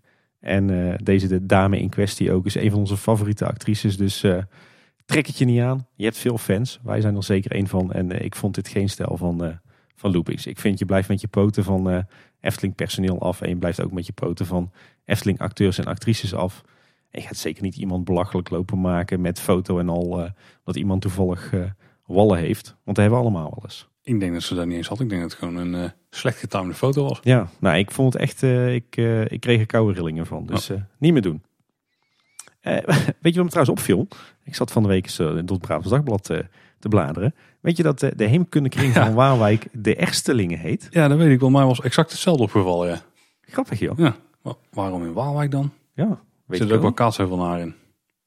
Je weet of een, weet heeft, nou, heeft het toch wel een, eh, een, een ge- geografische oorsprong? Ik weet het niet. Zeg, eh, jij had heel erg zitten te genieten van Rise of the Resistance. Weet je waar ik heel erg van zat eh, te genieten? Vertel. Van de trailer voor Rookburg en Fly. De nieuwe flying coaster in Fantasialand. Oké. Ja, meer dan ik dan. Ja, jij niet? Nee, ik vond het een redelijk belabberde trailer. Nou ja, misschien scheelt. Ik ben best groot liefhebber van Fantasialand. En ik, dat, dat hele industrieel tintje, dat hele steampunk, dat spreekt mij wel echt enorm aan. Ik ben wel echt heel benieuwd wat we daar eh, te zien gaan krijgen eh, volgend jaar. Ja, die trailer is natuurlijk volledig computer geanimeerd, want er is nog geen gebied klaar op dat moment. En daardoor voelt een beetje te plastic fantastic aan of zo, om een of andere reden. En ze faked heel veel dingen. Dat vond ik ook een beetje jammer. Ja, nou misschien werd ik niet echt gehyped door de kwaliteit van de trailer zelf dan, maar misschien meer door het vooruitzicht van wat we daar gaan krijgen. Ja, dat kan ik me wel. Want dat wordt volgens mij wel echt heel tof. en flying Ja. coaster. Wij, wij hebben al vastgelegd dat, eh, dat we volgend jaar in de zomer een keer eh, als de kids eh, naar de kinderopvang gaan, dat wij dan een dagje met z'n tweetjes naar Fantasieland gaan. Op en neer racen dan, dan moet je wel flink doorrijden. Of brengen ze dan niet zelf weg? Of haal je ze Dan dan, ze zelf op? Oké, slim, slim. Ja. Goed hè? Oh, en ik moet trouwens ook nog een van onze luisteraars bedanken. Die appte mij van, joh, mijn moeder heeft nog een mapje gevonden op zolder. Met, met een heleboel Anton Pieck knipsels. Maar er schijnen ook wat Efteling dingetjes in te zitten. Heb jij toevallig interesse? Eh, nou ja, ik ben natuurlijk ook groot Efteling verzamelaar. Dus ik zei, eh, ja, dat wil ik wel, eh, zou ik graag hebben. Maar daar bleek onder meer een originele plattegrond van de Efteling uit 1965 in te zitten. Mm, nice. Hm. Eh, ook een Engelstalige folder uit zo'n midden jaren 60. Eh, de parkfolders uit 85 en 87. En ook van die hele leuke infokrantjes uit 1983 en 84. Waarin ze allerlei, alle nieuwigheden van die jaren bespreken. Een beetje zoals we nu de wonder hebben. Dus eh, dat, eh, daar zaten behoorlijk wat verborgen juweeltjes in. Eh, dus de luisteraar die mij daarmee heeft verwend, die weet wel wie dat die is. En bij deze nogmaals, merci beaucoup. Ja, dan zijn we weer aan het einde gekomen van deze aflevering. De reviews, Tim, die blijven binnenstromen. We hebben nog een paar eh, iTunes reviews gehad. Ja. Ik kreeg er onder andere eentje van Sheentje, of Shientje. Deze mannen van Kleine Boodschap vertellen alle ins en outs over de Efteling en haar omgeving. Als je maar een beetje fan bent van de Efteling, is dit een toppodcast om naar te luisteren. De heren leggen alles duidelijk uit. Dus ook als je niet vaak komt, is deze podcast duidelijk en top. Vijf sterren voor deze podcast over nieuws, geschiedenis, tips en veel meer. En Tim, dan heb ik de tweede review die we hebben gekregen aan jou overgelaten. Vooral vanwege de naam van de reviewer. Zo, jeetje ja. Eh, D3F34T3R. Zoiets, ja. De, def, die feature misschien. Defeater. Oh, Defeater. Dat is Op al iTunes. Ah ja. Eh, heerlijk genieten iedere keer weer. Iedere nieuwe aflevering is weer een moment dat ik even lekker de tijd voor mezelf neem om weer volledig bijgepraat te worden over alle ins en outs van de Efteling. Als groot liefhebber van de Efteling luister ik iedere keer weer naar deze heren, want ze weten echt zoveel. Dat gaat vooral over jou, denk ik. Dat, dat wil ik niet zeggen, dat zijn jouw woorden. Een must luister voor iedere liefhebber van deze magische wereld. Nou, dankjewel. dankjewel, eh, die Feater. Nou, toch leuk. Iedere keer weer die, eh, die reviews. Heel tof dat eh, jullie daar de moeite voor nemen. Ja, die kun je zelf ook achterlaten op Apple Podcasts of iTunes. En volgens mij hebben de meeste apps ook wel eh, daar een mogelijkheid toe. Maar wij checken ze vooral, eh, vooral daar. is toch een beetje de hoofdpodcast verzamelplek. Weet je wat ik trouwens ook grappig vond? Je kunt ons ook luisteren via Spotify. Maar die, schijnbaar was daar deze week een of andere actie waarbij de, je mensen hun top 5 lijstje werden voorgeschoteld. En wij kregen verdomd veel berichtjes doorgestuurd van mensen waar een kleine boodschap in hun top 5 stond. Nou, heel tof. Ondanks dat we op Spotify niet super veel luisteraars Nee. hebben. Ja. Maar heel, eh, heel leuk eh, dat jullie dat hebben doorgestuurd. Ja, zeker.